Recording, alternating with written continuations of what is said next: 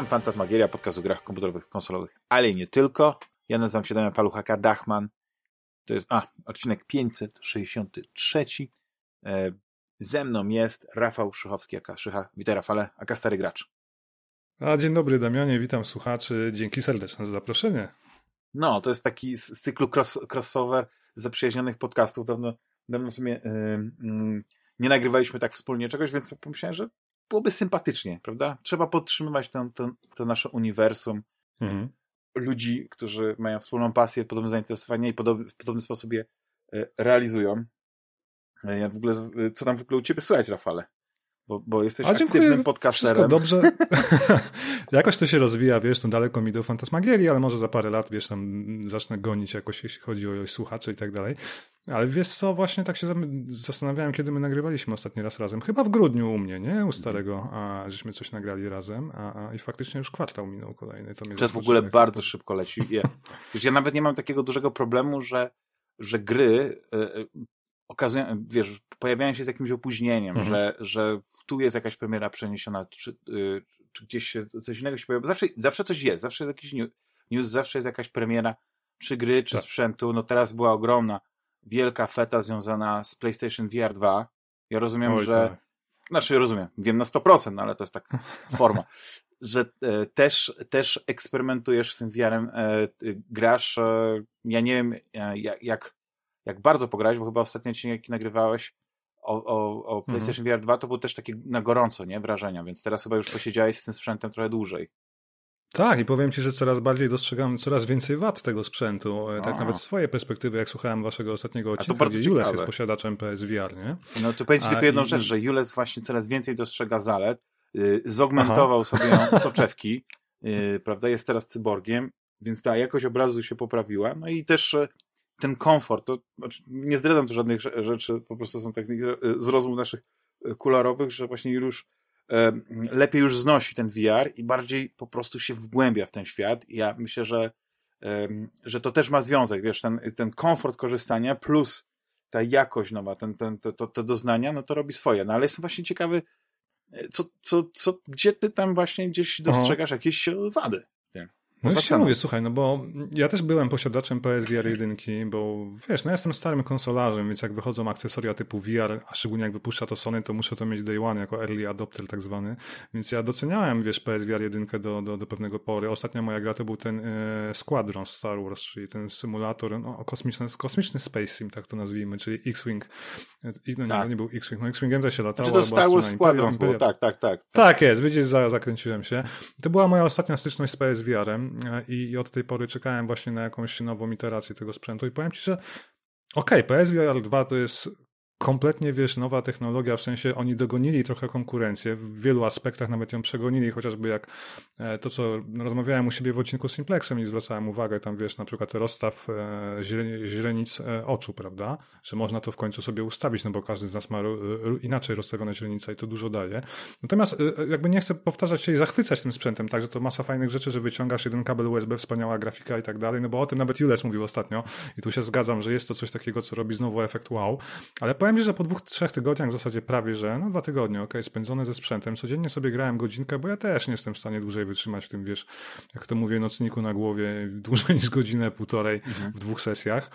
E, skończyłem Horizona swego czasu, czyli taki, wiesz, można powiedzieć killer up tej, tej, tej, tego sprzętu, który jest, moim zdaniem, ma strasznie rozmazaną grafikę, jest takie tak zwane mydło, które cały czas mi kłuło w oczy do końca gry. Problemem tych gogli jest dla mnie ergonomia. Ja ci powiem, że ja mam dosyć małą czaszkę, nie wiem dlaczego, ale taką mam. I, i ciągle muszę bardzo mocno zaciskać tą obręcz, a to powodowało, że przód gogli mi się po godzinie bardzo wrzynał w czoło i w ogóle nie miałem tego problemu z pierwszą iteracją sprzętu. Taka ciekawostka, mhm. nie? Znaczy ale ja miałem podobnie z, z mhm. PlayStation VR tym pierwszym, tylko ja miałem tam dwie, już powtarzałem to milion razy, y, dwa takie problemy. I ten najważniejszy to było to, że mi parowały szkła. I z tego co wiem, to już rozwiązano, bo jest jakiś nie wentylator, który, tak. który, nie, tak, który tak. sprawia, że jest tam lepsza wentylacja, te, te szkiełka są e, E, właśnie mówię, no wentylowane. Znaczy według, co, według, według naszego nadwornego speca od VR-u, czyli pana Simplexa, e, to ten wentylator jest tylko po to, żeby chłodzić ten sprzęt od, e, wiesz, tam płytę główną, jakieś tam rzeczy, nie? Tak. Natomiast faktycznie, ale to może efekt uboczny tego jest taki, że one nie parują, bo nie parują. No chyba, że tak, tak przyciśniesz gogle, mi się zdarzyło, że wiesz, gałką moczną ją obrudziłem. Znaczy, wiesz, ale też była taka jedna rzecz, że ja też potrafiłem je tak docisnąć, żeby mieć taką, nie wiem, idealną ostrość, że ja potrafiłem rzęsami dotykać szkieł. -hmm. Takie miałem -hmm. wrażenie, że dotykam czołem albo coś i i faktycznie, jak je zakładałem, to zawsze jeszcze musiałem przetrzeć szkiełko, tą, tą fajną tak szmatką tak od, od, od, e, PlayStation. A tutaj nie ma szmatki, widzisz, fajnej. I, no nie dali, no wiesz, na czym wiadomo, że taka, e, taki najdroższy kolekcjonerski element. E, być może szmatka został, była, wiesz? ale dodawana, do, wiesz, jako, jako, jako, jako zestaw probacyjny dla influencerów. Nie, tam jakiś. Tak jest. No, oni dostawali nie tylko nie tylko gry, nie, no wiesz, nie tylko była, bardzo... A ty w, ogóle, ty w ogóle planujesz zakup PSVR 2, czy tak przyglądasz się na razie temu? Wiesz co, pierwszy VR kupiłem dopiero, jak się pojawiła taka gruba promocja, gdzie ten mhm. zestaw kosztował chyba z 200 euro, nie? No to... A, i tam była kamera i te pałki. Właśnie to jest naj, pewnie, najciekawsze. Tak? Nie, tam nic nie było. Aha. I okay. to był ten moment, w którym e, włodarze Sony uznali, że skoro sprzedali, ty, wiesz, skoro Move był taki popularny i tyle było mhm. PlayStation 3 sprzedane na świecie i prawdopodobnie każdy PlayStation 3 e, użytkownik miał e, przynajmniej 10 mówów, więc nie ma, nie ma co produkować tych, tych urządzeń. Nie? Tam gdzieś się coś pojawiło i tak dalej. I nagle te mówy przed pojawieniem się PlayStation VR, e, te, te kontrolery Move kosztowały grosze, dosłownie. Tak, to, to one tak. się waliły na jakichś targowiskach, to mogłeś po prostu na kilogramy kupić. W momencie, kiedy pojawił się VR i okazało się, że oni nie dorzucili tego, co trzeba, ceny wywindowane dziesięciokrotnie. No ja miałem to szczęście, Pamiętam. że mi się udało właśnie zdobyć te kontroler w jakichś takich niższych cenach. Gdzieś tam miałem jeden kontroler, bo, bo byłem zainteresowany Move'em jako, jako wielki fan Wii, można powiedzieć. Byłem zainteresowany mhm. na przykład taką grą jak Dead, e, Dead Space Extraction, która swoją taką e, lepsie, e, lep, ładniejszą wersję mhm. miała właśnie na PlayStation 3, więc tam ten, kontroler się przydawał. To i też były te książki takie, wiesz, no tam była ta, ta magia augmented reality. E, I ten move się przydawał tak też do tego, te, te, te, to chyba Wonderbook nazywało, takie e, książki magiczne, które wiesz, normalnie wyglądały. Taką różdżką jakby machałeś. Tak. Taką. tak, i to tak, tak, tak. I ja byłem w ogóle w, oczywiście późnym adapterem, nie byłem w, e, w early adapterem, tylko ja dopiero późno potrzebowałem, więc ale tutaj, jeśli chodzi o PlayStation VR 2, wiesz, kusi, bo faktycznie łatwość tego dla mnie byłaby najważniejsza, że nie muszę tego wyciągnąć, bo zrobiłem sobie Dwa tak jak Amigę temu... wyciągasz z szafy tak, nie? i się przygotowujesz do tego. No nie, no to jest coś podobnego, tak, bo jak wyciągam Amigę, i, bo wiesz, bo tak, żeby pograć gry, to ja zawsze mówię, naprawdę warto mieć tam emulator i na emulatorze można pograć, jest świetnie, są... są na Steam Decku, nie? Tak. Nie, na Steam Decku nawet nie gram, nie, nie, normalnie, na telewizorze, jeśli bardzo okay. mi zależało, bo podłączam sobie, bo mam, e, to też kiedyś mówiłem, adapter, który pozwala mi podłączać taki tradycyjny, do, e, wiesz, dziewięciopinowy joystick. I jest A, super, okay, nie? I super. mogę się czuć, jakbym mhm. grał normalnie na, na Amidze. Tylko chodzi o ten telewizor, chodzi o, ty, o, hmm. o tą jakość kineskopu. I wtedy to się zaczyna, wiesz, ściąganie ze strychu wszystkiego, nie? Telewizora, te kable, tutaj, żeby to połączyć, żeby to wszystko chodziło, nie? A to nie jest trochę tak, że, że dłużej ściągasz niż grasz, tak finalnie? Nie, nie, znaczy to wtedy, widzisz, to jest, to jest zaplanowane. Ostatnia moja właśnie hmm. taka, taka impreza, to miałem zaplanowany cały weekend. Rodzina wiedziała, że pół kuchennego stołu zajmuję na ten na ten sprzęt. Nawet rzuciłem zdjęcie na, na mojego Instagrama tak, tak, i, i tam, e, tam był ten taki setup e, po części pokazany. I jeśli miałbym tylko to wyciągnąć i później po godzinę, wiesz, poprzeglądać gry, bo tak to wygląda, wiesz, ludzie tak zaglądają, coś tam odpalą i tak dalej, to lepiej sobie naprawdę odpalić YouTube'a i obejrzeć kilka gier, powspominać, jak to fajnie się grało w Lotusa czy coś takiego. Ale jak chcesz... Albo mini Amigę odpalić i pograć. Albo mini Amigę, tak, tak. Tylko, że kurczę, tak. z tą mini Amigą to też jest tak, że ona jest, e, to jednak jeszcze jakoś, nie wiem, nie ma tej klawiatury, nie, nie to, ma tego, tak. więc to też jest tak, tak to, ja, ja traktuję jako to emulację, chociaż e, podłączałem ją ostatnio, bo chciałem coś sprawdzić, ale... Ładny ale, obraz. Tak, tak, tak, tak. Ale okay. z, z, tym VR-em miałem podobnie, wyciąganie tych kabli i tak dalej, a tu VR 2, jejku, jak to kusi, że to jest jeden kabel, ale ja nadal, nadal nie kupiłem na przykład tego Questa, e, Questa dwójki, nawet kiedy mhm. te ceny były w miarę, w miarę atrakcyjne i, i myślę, że po prostu to jest tak, że gdzieś tam racjonalizuje to, że a, po pierwsze to jest dosyć duży koszt na wstępie, a dwa, czas. Czas. Naprawdę. To prawda. Y, mając mnóstwo zainteresowań, no mamy podobnie, tak, że tutaj Mhm. gdzieś komiksy, tu seriale, jakiś film chcesz obejrzeć, do Książki kina. dobre czytać po nocach, Do- nie? Dokładnie, wiesz, tak- dokładnie, książki.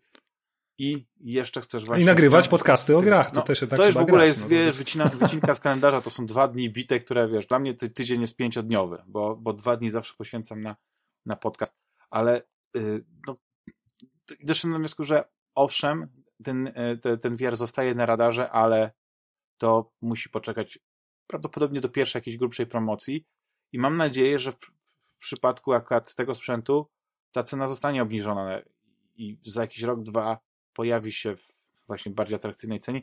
Może w jakimś zestawie z, z nowym PlayStation 5, chociaż ja na przykład PlayStation 5 nie zamierzam zmieniać, tylko jestem bardzo ciekawy tych, Hmm.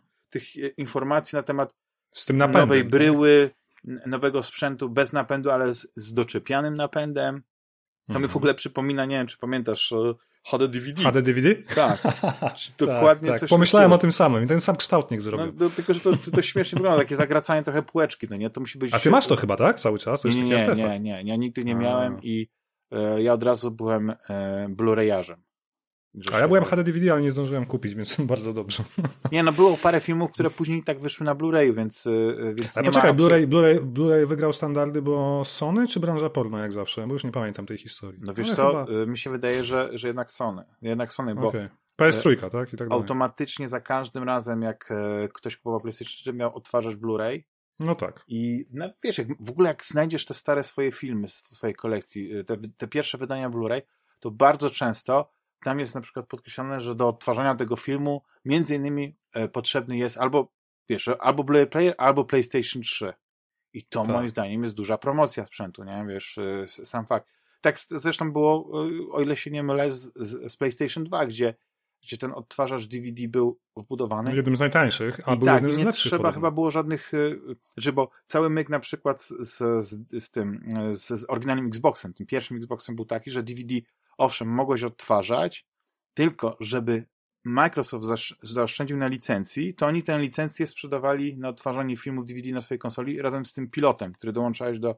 A pamiętam, taki dongiel był chyba, Tak. nie? Do tego. I to, to wiesz, to, to, do, do dzisiaj to zostało, że Mhm. jeśli chcesz na przykład odtwarzać jakieś multimedia na, na swoim Xboxie, to po prostu ściągasz aplikacje i, i chociaż te aplikacje są za darmo, to od tego ściągnięcia powiedzmy Microsoft, znaczy ja mogę się tutaj mylić, jeśli chodzi o szczegóły, ale prawdopodobnie płaci wtedy licencję e, tak, musi być tam jakiś tak. model biznesowy, Tak. tak. szarowy. Ale tak, na przykład jak kupujesz konsolę, to kupujesz ją w, bez, bez tych licencji i, i Microsoft Mhm. nie musi powiedzmy zakładać, że, że okej, do każdej konsoli musimy dokładać, bo ktoś będzie chciał być może odtwarzać filmy DVD. No ale to, to sprawiło, że, że PlayStation 2 oczywiście gry też miały znaczenie.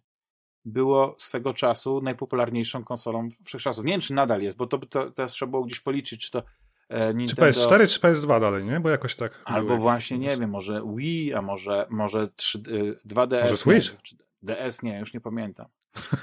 Możemy spekulować, tak. No, no. Ale, ale y, wiesz, no, ja jestem ciekawy na przykład, ty, no, znaczy ty prawdopodobnie pewnie nie sprzedasz tego swojego sprzętu, ale jestem właśnie ciekawy, jak, jak to będzie u ciebie z tym użytkowaniem. Czy e, Powiem ci tak, już ci, już ci mówię, jeszcze pedem. Powiem ci, że o dwóch dni nie gram, bo mi się nie chce, bo wolę pograć w płaskie gry, czy, mówię, klasyczne Tak, gry tak. na telewizorze. E, muszę odpocząć chwilkę, wiesz, bo jeszcze wziąłem jakieś gry do recenzji, się zobligowałem i muszę wrócić do tego jutro, żeby, wiesz, tam przejść jakiś tentakular, jakiś mm, Synth Rider z pakietami, Mhm. takie rzeczy, nie? Bo VR moim zdaniem troszeczkę sprowadza się do tych takich gier specyficznych, nie wiem, ruchowych, nie? Jak umarły gry muzyczne, to one się przeniosły do VR-u, prawda? Bo mamy Synth Riders, Beat Saber, tam Autika było coś takiego i to się idealnie sprawdza, fantastycznie. Mamy Drum Rockera, nie wiem, czy widziałeś taką grę, gdzie jesteś szalonym perkusistą w piekle i grasz na perkusji walcząc z demonami. I wiesz, wygląda trochę jak rock band na tej zasadzie, że siedzisz pomysł wirtualnie genialny. pałkami wybijasz rytm. taki heavy metal w, w piekle na perkusji?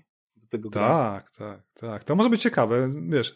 No, jestem Znaczy, wielkim fanem jedną- Beat Sabera, bo w Tak. ogóle dla mnie Beat Saber to jest tak genialna koncepcja, ale właśnie kiedyś się jeszcze wtaczyłem, bo wiesz, bo są ludzie, którzy grają w, w Beat Sabera tak, że ledwo nad, nadwyrężają nadgarstki, wiesz, te rączki im tam po prostu w miejscu, mogą na siedząco grać, nie?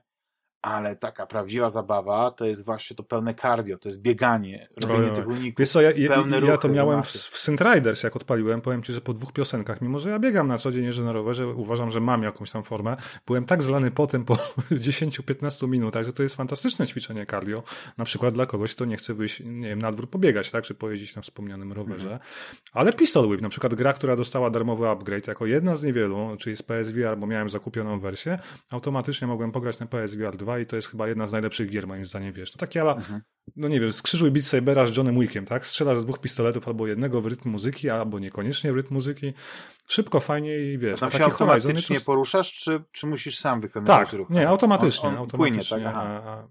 Ale też musisz kłócać, rzucać się, omijać przeszkody, tak jak trochę w Beat Saber właśnie. Czy jak ja zauważyłem, że, że im więcej jest takiego strzelania i tak dalej, czasami i tego, tego ruchu, to, to ja coraz gorzej, znaczy nie coraz gorzej, tylko właśnie nie najlepiej to znoszę i e, Grałeś oczywiście w Blood and Truth, nie? No moja ukochana gra z jedynki, od tego, oni zrobili London Heights, Ja nie przeszedłem tej gry, bo w pewnym momencie już y, nie mogłem dłużej niż na przykład pół godziny grać bez utrzymania, po prostu mhm. tam się już takie rzeczy dzieją, wiesz, te eksplozje, to strzelanie, wiesz. No ta końcówka, gra, jak zjeżdżasz na linię, rzucasz granatami, wiesz, tam na tym wieżowcu szklanym, nie? I tak tam A to już końcówka jest, tak? Jak już tak, to już jest? Finał. Tak, tak, tak. Prawie finał. To tak w dobrym Dosłownie. momencie przestałem grać, na, na, na, prawie na koniec gry. Nie, ale mi się podobało to, że to jest w ogóle fabuła taka filmowa, takiego filmu gangsterskiego. Guy Ritchie mógłby Wiesz nakręcić co? ten film. I przypomniało mi się ten serial Gangi Londynu, nie wiem czy widziałeś, właśnie identyczny klimat po prostu, tak, to tak, polecam tak, tak, swoją drogą. I, i, i zresztą jak patrzyłem na te panoramy miasta, kiedy jesteś, e, tak. wiesz, ty, ty masz tą nocną misję, jak to by pięknie wyglądało, gdyby po prostu konsola, na której ta gra była oryginalnie zrobiona, czyli PlayStation 4, mhm. mogła dać siebie ciut więcej energii, wiesz, żeby... No i powiedz mi, gdzie jest darmowy update dla posiadaczy tej gry? No nie ma. Znaczy, tak, darmowy update do sterowania, to tam, wiesz, żeby to był taki remaster. Prostu, no ale wiesz, no, pistol, zobacz, Pistol Whip i parę innych rzeczy, chyba No Man's Sky też sprawdziłem, dostały i to też musieli przerobić, zakładam, mieli tyle samo pracy, nie? Tak naprawdę, Jestem w ogóle ciekawy, czy No Man's Sky przerobiony właśnie pod VR 2 ale nie wygląda za dobrze, wiesz? No właśnie, bo zastanawiam się, czy miałby Niestety. jakość grafiki jak na PlayStation 5, mimo że wiesz korzystał z VR1. To jest styl, styl jak PS4 Pro, coś powiem takim rozkroku międzygeneracyjnym. No, no, no, wiesz, to też jest, to nie jest tak, że widzisz, ja, ja gadałem o tym Simplexem, że ja oczekiwałem grafiki 4K HDR, jak reklamuje Sony na pudełku, ale to dalej, to, to, to w VR nie ma tej grafiki 4K. To nie jest to samo, co widzisz na telewizorze, jak ktoś gra jest super ostro, fajnie, tylko to jest dalej tak. troszkę dla mnie rozmazany, trójwymiarowy obraz, pełna imersja w tym kasku, ale to nadal nie jest to jeszcze dla mnie osobiście. Ale to ciekawe mówisz o tym rozmazaniu. Wiesz co, mi się wydaje, że może powinieneś sobie tam... Ja jestem ślepy. Po, po, po, po, podopracowywać, te, te, te, podopasować może... Ale nosisz chyba soczewki, nie?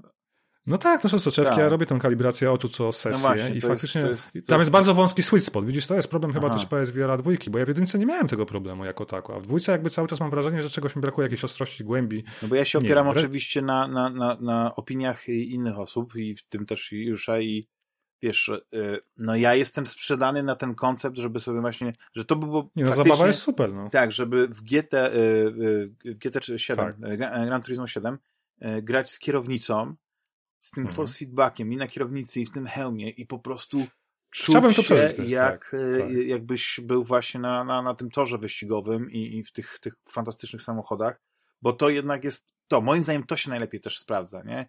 Mhm. Że oczywiście są te fajne gierki, różne jakieś takie pomysły, bo ka każdy no, kajak jest super. Ale przenoszenie na przykład, nie wiem, takiej typowej gry, która jest strzelanką i teraz ona fajnie wygląda, no bo tak wiesz, jest pełna głębia, no te, te broni no się duma. fajnie podnosi i tak dalej, to ma swój urok, ale nie jesteś w stanie tak zatracić się w tej wirtualnej rzeczywistości, nie jesteś w stanie się dać oszukać, e, mhm. wiesz, że, że kurczę, no ja oczywiście przesadzam, ale nie, wchodzę w ten świat, jestem w tym, w tym świecie, siedzę w tym samochodzie bo, bo w tych strzelankach, czy w Pistol Whip, albo w takich stylizowanych, no to wiesz, że jest no to wiesz, że to jest, tak, tak. nie wiem, kosiarzu mhm. umysłów, czy, czy w Toronie, tak. nie? I, i, I tyle. A tutaj ten realizm jest e, na, na, na wyższym poziomie. Ja, ja się cieszę, że jednak e, ten duży gracz postanowił wejść, jakby nadal inwestować w tę technologię, bo Microsoft. To się chwali. I tak. nie chcę właśnie mhm. mówić, żeby, bo y, y, niektórzy słuchacze zarzucają, że, że ostatnio jest tak jakoś o tym Microsoftie nie, nie wypowiadamy się w superlatywach, albo że po prostu wypowiadamy się w superlatywach o, o Sony, o Nintendo. Ale, ale prawda jest taka brutalna, że Microsoft przecież, no, no, nawet ja już nie mam do nich siły, chociaż bardzo lubię, uwielbiam od czasów Xboxa pierwszego. Nie ma tak. gier, więc cały zeszły rok był w zasadzie dla nich stracony. Wszystko postawili na Game Passa i na próbę przejęcia tak. Activision Blizzard, którą muszą no pewnie Game Pass doprowadzić. Jest fajny. E, granie w chmurze no jest tak. świetne. Ja na przykład to gram w chmurze na, na Game Passie przez Steam Decka. Mhm. Czasami mam połączenie gorsze, ale dla mnie to jest świetna alternatywa. Nie? Ja e, nie włączałem Xboxa tak naprawdę, nie? Od, od mhm, dłuższego -hmm. czasu, naprawdę, bo, bo gram w te gry przez, przez chmurę. Tylko widzisz, Xbox e, nie, nie, nie idzie w wyścig o, wirtualnego, o wirtualną rzeczywistość. Postanowili, że oni się tym nie zainteresują. Ich HoloLensy to już jest taki wiesz, e, Vaporware, nie wiem, No trochę jak Google nie, Eyeglasses czy Eyewear. Że już wszyscy chyba tak. zapomnieli o tym, o tym, o tych technologiach. Microsoft miał kilka świetnych pomysłów, które w jakimś tam stopniu e, nie, nie przerodziły się jako, jako, jako takie produkty konsumenckie. Ja pamiętam fa, fenomenalny, fenomenalny produkt, że się tak wyrażę, ale nie no, dla normalnego człowieka, no bo to chodzi o koszty. Być może on by się sprawdził w, w salach rad nadzorczych, gdzie się takie rzeczy wykorzystuje, ale Surface, zanim stał się po prostu marką tabletów i, i, i tam komputerów e, Microsoftu, to po prostu była powierzchnia, to był stół w pełni e, interaktywny, który e, potrafił wykrywać obiekty, na które się na nim kładzie. Tam mogłeś robić cuda niewidy, to fantastycznie -hmm, wyglądało. Mm -hmm. Ja nie wiem, co się z tym stało, bo nie śledzę tej technologii, ale wtedy to było przedstawiane jako taki produkt niemal konsumencki i w jakiejś takiej przyszłości, gdzie jest e, powiedzmy, nie wiem, raport mniejszości, to mhm. wyobrażam sobie, że w każdym domu jest taki, e, taki, taki stół. Do, do, do, do gier bitewnych, strategicznych, kurczę, jakby to się fajnie sprawdziło. Oczywiście potrzebuje Ale wiesz, no, hologram. finalnie wylądowało na składowisku w jakimś magazynie, jak Arka, wiesz, przymierza w Indianie Jonesie zamknięte i tyle. Tak, tak, tak, być może jest. No i niestety, wiesz, ja, ja cały czas kibicuję Microsoftowi, bo uważam, że nie ma nic gorszego jak brak konkurencji i monopolizm. Bo monopol jeden, jednej firmy to już będzie koniec. Tylko, tylko wiesz co, ja mam cichą nadzieję, że wyjdzie im z tym Redfallem. Cały czas tam wierzę, e, że w końcu ty masz fajnego newsa dzisiaj, prawda? Tak, e, tak, teraz będziemy właśnie o tym tak, e, I, i, I mam nadzieję, że po prostu jakby trochę im pójdzie lepiej ten rok, że, że pokażę coś fajnego, co mnie przykuje do tej konsoli, bo ja na razie faktycznie, tak jak ty, nie włączyłem Xboxa od miesiąca, a, teraz gram w takiego, taką przygodówkę, akurat kupiłem na Xboxie, nie wiem, z przyzwyczajenia, to też potem opowiem. I, i też mam, mam, mam jakieś takie dziwne podejście, że oni jakby zajmują się wszystkim, tylko nie, nie wypuszczaniem gier. Kupowali te studia, tam jest 20, nie chcę teraz skłamać, 22 studia, tak? Mhm. Wewnętrzne? Które ciągle coś robią. Mamy The Coalition, które przecież e, zajęło się serialami, filmami Gears of War, a my ciągle czekamy na zapowiedź Gearsów 6. Mamy Perfect Dark Pichcone, które w tym supergrupie Initiative to się nazywa chyba, tak?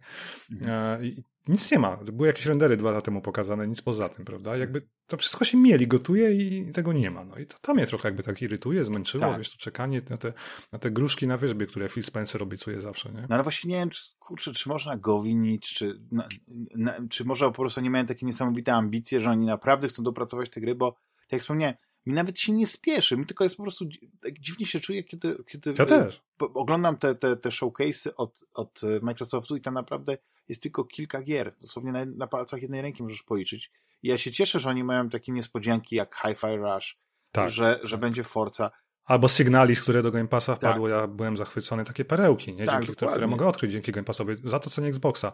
Ale brakuje mi tych wszystkich IP, no gdzie jest jakieś dobre nowe Halo, no tam są straszne tak. problemy, słyszałeś? Z Halo to akurat, Nawet... ja już, ja już ja, ja wiem, że to tak brzmi śmiesznie, ale mi się nigdy nie podobało to, że 343 przejęło um, mhm. pieczę, 343 Industries przejęło pieczę nad Halo, bo zawsze mi się wydawało, że im nie przyświeca, tak jak Bungie, zrobienie jakiejś nowej, świetnej części Halo, gry, tylko dojenie Tylko franczyzy. zrobienie właśnie franczyzy, wiesz, jakiś... jakiś no i dostałeś Halo 5. Dużo rzeczy w ogóle około Halo powstało, a jedną grę, którą mieli zrobić, to tak naprawdę nie dowieźli, dowieźli częściowo, tak? Multiplayer, ja nie wiem, jak tam jest teraz obecnie sytuacja z multiplayerem. Z ja w ogóle dawno nie gram. Te sezony opóźniają, że tam jakieś tak, chociaż sama gra jest świetna, jeśli chodzi o multiplayer. No tutaj nie będę tutaj nic, nic mówił, ale tak, y, zdaje się, że kopa nadal nie ma i chyba już nie będzie kanapowego. Mhm. Nie, nie ma tego całego kontentu, który był planowany, więc ja też musiałem potwierdzić te plotki, być może yy, ale, ale masz serial Halo dostępny dla wszystkich.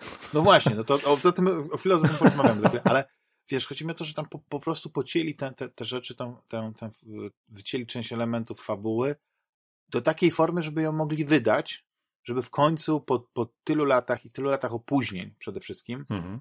pojawiła się kolejna część, no moim zdaniem jednej z takich stop 3 marek Microsoftu, nie? Taki, takiej flagowej, która, która była z, z Xboxem Oni więcej od, nie mają od początku. No i, i, i, wiesz, no ja nie wiem jak to, jak to będzie z tym, ale y, Redfall, jeśli chodzi o Redfall, to y, też chyba jest ja jakieś opóźnienie, ale z drugiej strony... Nie, nie, 2 maja, że 2 maja wychodzi tak? Redfall, Aha. Day One chyba w Game Passie, tak? Tutaj no to fajnie, bo, bo ja się cieszę, że oni po prostu rozwiali pewne wątpliwości, bo Niektórym się wydawało, że Redfall to może być coś takiego Left 4 Dead z wampirami. Ale, ten, ale wiesz, że wszyscy, znaczy, wszyscy kochamy Arkane, trzymamy kciuki. No wiadomo, że każdy kiedyś musi się wywalić na tego swojego głupiego ryja, przepraszam za takie porównanie. E, nie chcę, żeby im się to zdarzyło, ale ta gra no, mnie jeszcze nie zachęca. Wiesz, czy mi się strasznie kojarzy z tym takim Goodbye High Volcano, co tam Sony lansuje z tymi dinozaurami. Jakiś taki dziwny, dziwnie ta gra wygląda, wiesz. Mogliby i, zrobić i, na przykład też grę tak ala Dead Island, która się nie dzieje na, na wyspie, no nie? Więc druga część, więc to też jest tak. No zobaczymy. Ja, ja zagram mamy... sobą czasów Division nie grałem też tako, takiego, mhm. takiego shootera, nie? Kooperacyjnego. Znaczy, ja jestem fanem gier z otwartym światem, gdzie to wszystko ma jakieś takie fajne ręce, ręce i nogi i ten świat jest taki interesujący, że e, tak jak wspomniany Division. Ja, ja bardzo mhm. lubię Division. W ogóle Division i pierwszy ja e, Ghost Recon Wildlands, Division 2 też. To są gry, które mają bardzo taką dosyć prostą mechanikę. Nie? Oczywiście nie będę się rozwodził na tych niuansach związanych powiedzmy z, z, e, z przedmiotami, z tym craftingiem, e, rozwojem nie, postaci, ale to, co bardzo lubię i to ja tak grałem bardzo długo w Wildlands i na przykład tak sobie ratami, naprawdę ratami przechodziłem Division 2,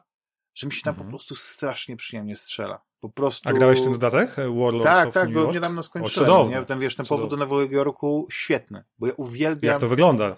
Uwielbiam infrastrukturę Nowego Jorku i ta gra daje to poczuć. No, Zeratul kiedyś zrobił taki filmik na, na YouTubie, gdzie wybrał się na, na wycieczkę z, z, po Manhattanie i robił zdjęcie i porównał tego, jak to wygląda w grze. I wiesz, to jest ta wirtualna turystyka w trochę takim świecie mhm. postapokaliptycznym, zimowym, ale naprawdę E, jedynie co bym chciał, to oczywiście, że, żebyś mógł wejść do każdego e, budynku i tak dalej, ale do tych budynków, co mogłeś wejść i te, I tak te, te, te, te, te no. eko, które odkrywałeś, te historie, wiesz, no bo były pomieszczenia, wiesz, nie, nie było tak, że każdy budynek to był taki karton, do którego nie mogłeś wejść. Tylko no, Pamiętam, by, były też szczególnie w tych strefach, e, tak. tych mrocznych, nie? Więc ja nie Ale wiem, co, co będzie w Redfall. Szczerze mówiąc, to omijam większość tych zwiastunów i tylko przebijają się te informacje, ale te informacje, które się przy, przebiły, mówią mi, ok, Arkane otwarty świat, można, można im zaufać, bo wiesz, yy, znaczy ja nie wiem, chyba nie jestem pewny, czy dobrze pamiętam, ale tobie tak chyba się średnio, nie? Podobał, e, podobała ostatnia gra e, Arkane. Wiesz co, Deathloop mi się podobał, tylko on za mocno potem zjadał własny ogon. Takie odnoszę wrażenie jakby z perspektywy czasu, nie? Że to się tak powtarzalne, ta gra, te mechaniki to... Znaczy ona się na tym opierała. Tak? No, na tym się opierała, dokładnie, tak, ale, to, ale tak powiem ci, że w 3 czwarte, tak. w 80% zaczęło mnie to nudzić, może nużyć to jest lepsze słowo i dobrze, że się skończyło, więc fajny koncept, świetne wykonanie, bardzo fajna mechanika strzelania i tak dalej. Ja, ja bardzo lubię ten hard design, nie? Od czasów mm -hmm. Dishonored, dlatego, czy nawet ja, Wolfenstein, ja, ja Youngblood, którzy mm -hmm. pomagali tam robić te swoją drogą, nie? Strzelanie chyba i levele. I, i mają kredyt zaufania, co mam ci powiedzieć. Tak.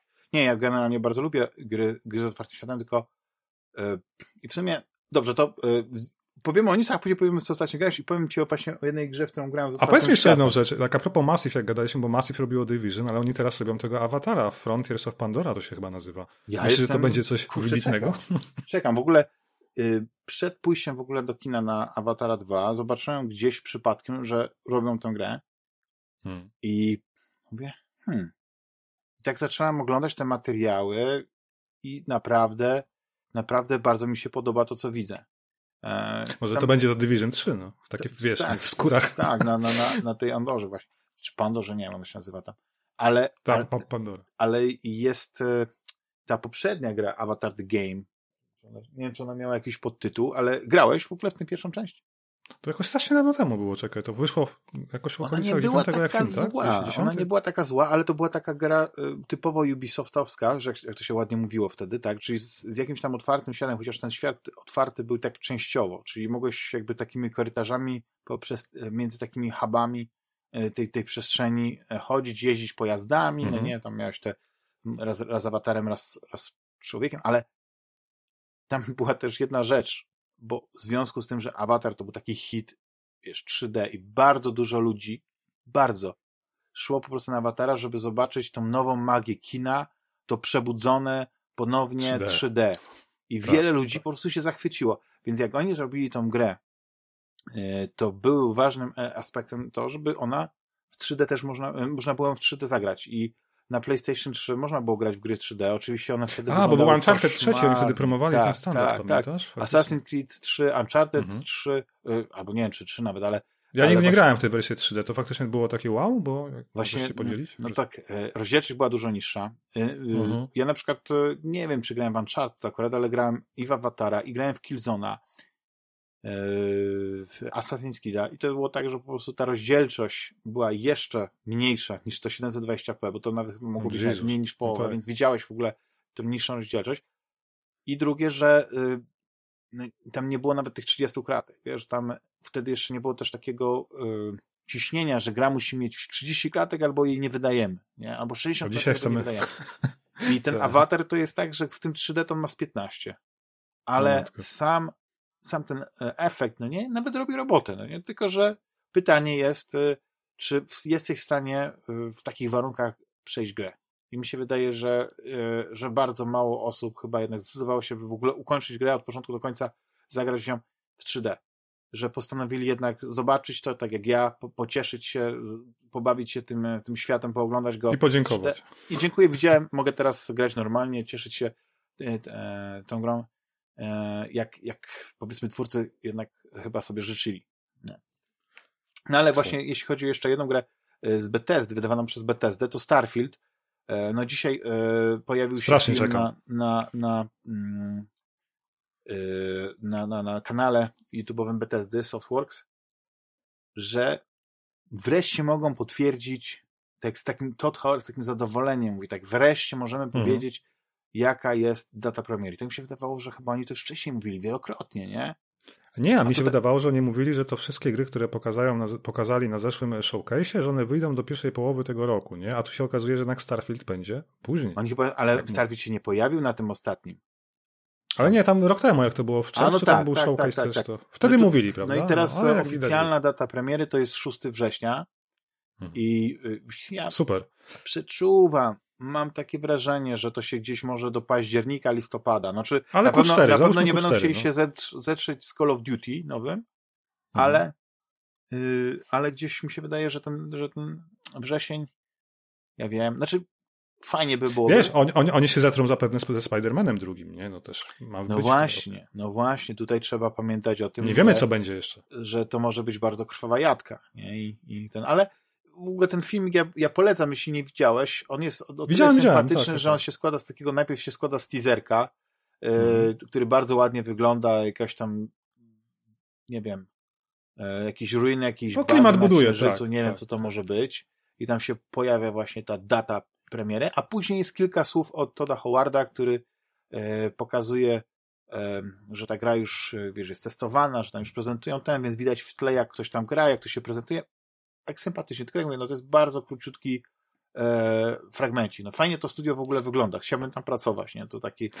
Taka, Wiesz co, ja ci powiem, że ja jestem szczęśliwy z jednego powodu, że nareszcie dostanę wielką grę science fiction RPG, dosyć tych wszystkich średniowiecznych fantazji i tych wszystkich tematów, których ja po prostu nie lubię, zawsze to podkreślam. Więc ja jestem szczęśliwy już z samego powodu. A jak będzie chociażby tak dobre, jak powiedzmy nawet Mass Effect w jakiejś części skrzyżowany z No Man's Sky, z czymś jeszcze, wiesz, czy jak Skyrim nie chcę, chociażby, nie tak? Tylko tutaj, wiesz, nie wiem, rzucać jakichś wielkich słów, ale ta gra będzie wyglądała dużo lepiej niż Mass Effect. Nie, no wiem. Wiem. Będzie miała dużo ciekawszy Chodzi mi o to, że wiesz, strasznie się cieszę. Niż, niż Mass Effect, bo w ogóle to kiedyś żeśmy rozmawiali o tym, że, że ta gra po prostu czerpie wiele pomysłów z różnych gier. I coś z książek, literatury, filmów, pewnie wiesz. Coś z No Man's Sky'a, e, te, ten świat, gdzieś jakiś dinozaury, tylko ja nie wiem, jak to będzie, czy to będą jakieś wycinki światów i będzie dużo planów, na które możesz wylądować, czy jak, jak, jak oni chcą to zrobić bez, bez e, generowania proceduralnie tych, tych map, ale no dobre pytanie. nie chcę nawet spekulować. Po prostu moim zdaniem to wszystko wygląda naprawdę na tyle dobrze, że możemy spokojnie, spokojnie im zaufać i nawet e, powiem tak, Microsoft, Bethesda, Todd, jeśli mnie słuchasz, I'm with you, two thumbs up, nie wiem, bardzo mi się good podoba. Luck. Tak, good luck. I spokojnie, take your time, jak, jak chcesz 2024 też spokojnie, możesz do nie, tego czasu nie. wyjdzie nowa wersja Xboxa Series X, jakaś taka może mniej XX. kwadratowa, taka wiesz, że wejdzie na przykład pod normalne szafki, byłoby bardzo miło.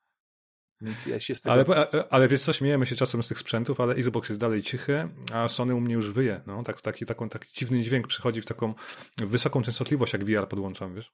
No. A, to jest ciekawe, bo to nie, że płyta Niestety. tam się kręci, chociaż wiesz, co tam ma się z tej, jak Nie, płyty się instalują, to co one mają się tam kręcić, nie?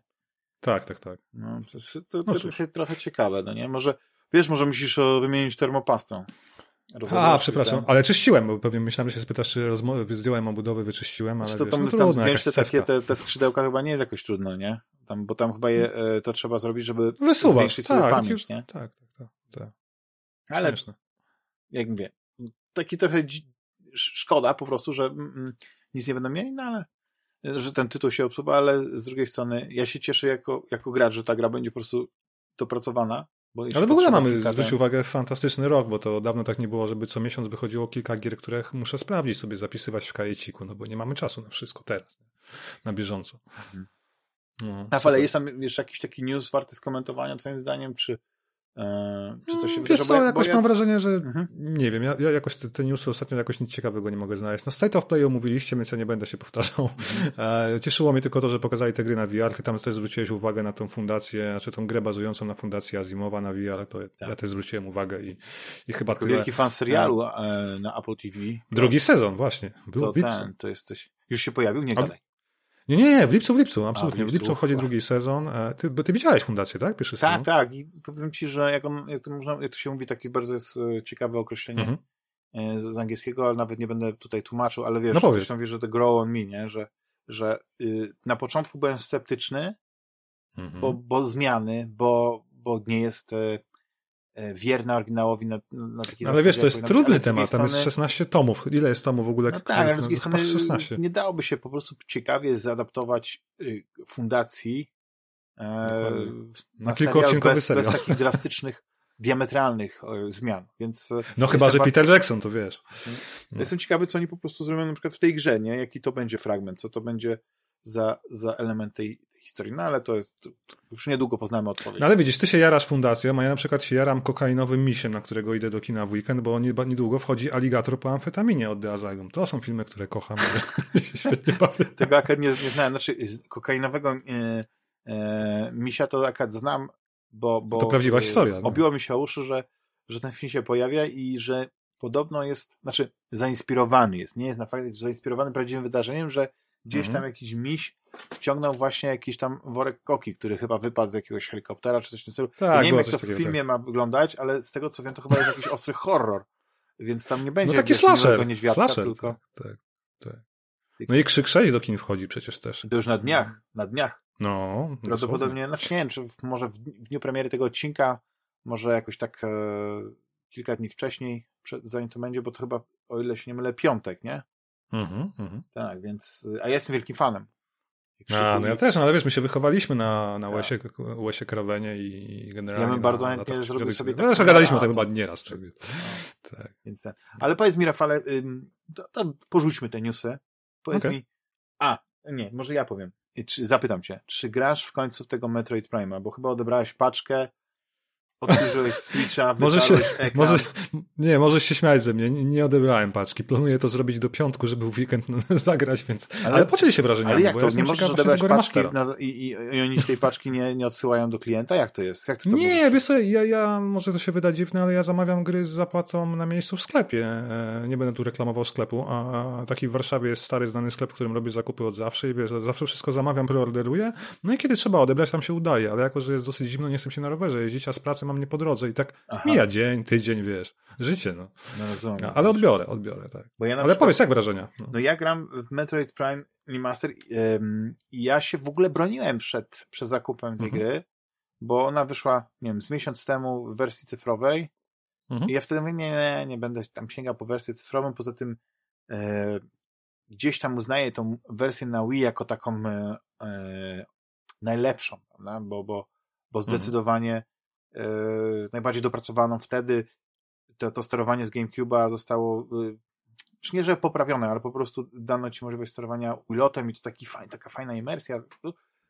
To ja ci tylko wejdę w słowo, że ja, moja jedyna styczność z Metroid Prime to było właśnie na GameCube i to u kolegi, bo ja nie miałem GameCube'a nigdy swojego i, mhm. i, i, i, właśnie jestem ciekaw jakby porównania tego, nie? Bo potem mówisz, że na Wii była wersja, też nie grałem chyba i... Wiesz co, graficznie, graficznie oczywiście jest duża różnica, dlatego że na, na Wii po pierwsze jest niższa rozdzielczość, po drugie e, wiele tekstów zostało poprawionych, niemniej, niemniej tylko tyle, co, co, co mogę ci powiedzieć z tego, co pamiętam z wersji Wii i, i z tej wersji, to gra e, strukturalnie jest niezmieniona.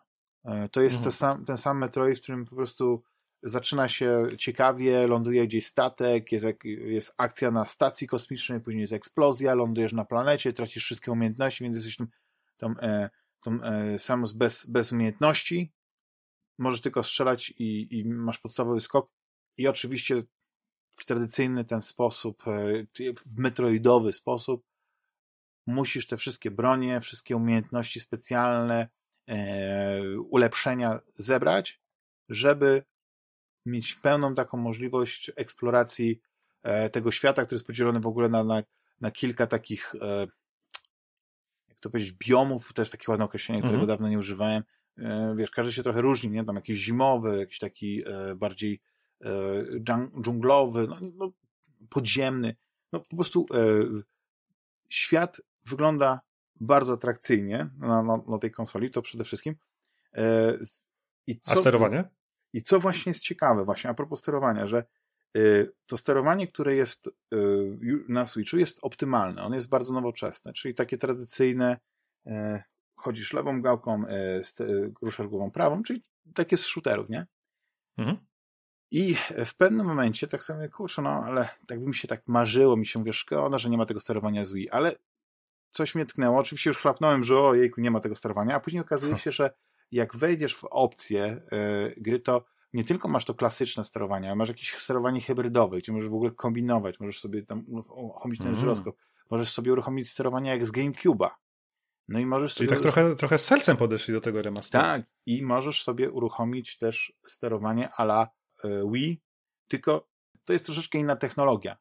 I jest wiele hmm. gier, na przykład nie wiem, House of Death, e, nie wiem czy grałeś na Wii, które ma sterowanie e, tak. ruchowe, tylko ono mhm. po prostu się opiera na jakiejś takiej wersji żyroskopowego, żyroskopowego sterowania. Nie ma tego, że celownik musi, powiedzmy, że kierujesz celownikiem w stronę ekranu i masz te czujniki, mhm. które ci tę pozycję tego, tego kontrolera wykrywają i to jest, wiesz, takie jakieś super precyzyjne. Tutaj jest to na takiej zasadzie ruchowej, nie? I okay. możesz się do tego przyzwyczaić, ale później zauważyłem, że, że jednak nie jest to tak wygodne, jak było na Wii i wróciłem do tego sterowania e, defaultowego.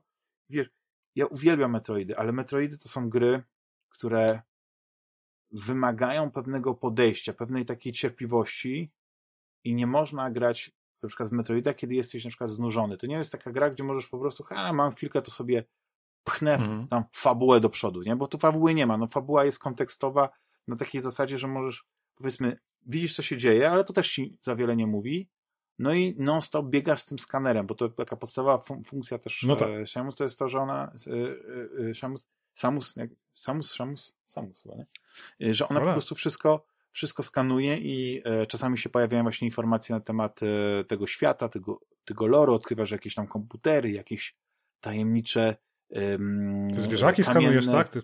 Płyty, z, z, z, które, które e, rozszyfrowujesz i opowiadają ci historię tego miejsca, wiesz, tego chyba Talon 4 tej planety. Tylko mogę przekręcać nazwy. Jeśli, jeśli przyjdę nazwę, to tylko dlatego, że po prostu mam słabą pamięć do, do nas. Ale ja nie, nie mam jakiejś przyjemności składania historii z tego. Ja, ja, ja też nawet w Dark Souls jak grałem, to nie zapisywałem sobie tych wszystkich informacji i później jak puzzle je układałem w odpowiedniej kolejności, żeby powiedziała mi, co tutaj się wydarzyło. Ja traktuję gry z, z Metroid, tak samo było z Dreadem, jako taką niesamowitą grę logiczną, gdzie liczy się przede wszystkim eksploracja, rozwiązywanie zagadek środowiskowych, pełne skupienie, spostrzegawczość. To jest, to jest istotne, bo możesz się zaciąć i możesz w kółko biegać, bo wiesz, bo to jest otwarty świat, nie? Tam masz mhm. windy między tymi biomami, ale możesz po prostu w kółko biegać i nie zauważyć jednej rzeczy, którą powinnaś zrobić, gdzieś tam skoczyć, a trzeba pamiętać, że za każdym razem, jak dostajesz nowe umiejętności, to aha, teraz sobie przypomniałem, że gdzieś tam było jakieś takie miejsce, że nie mogłem wcześniej wskoczyć, a teraz mam podwójny skok, więc na pewno już y, to mi się uda. Albo, wiesz, te drzwi, które otwierasz y, strzelając broń, nie? że musisz mieć specjalną broń, żeby mhm. te drzwi otworzyć, żeby coś rozwalić. I to jest coś takiego, że jak na przykład y, zrobisz sobie też dłuższą przerwę od grania, to bardzo jest y, y, ciężko wrócić. Więc ja teraz skoncentrowałem całą moją taką uwagę, cały mój czas, jaki mam na granie, właśnie poświęcam Metroidowi.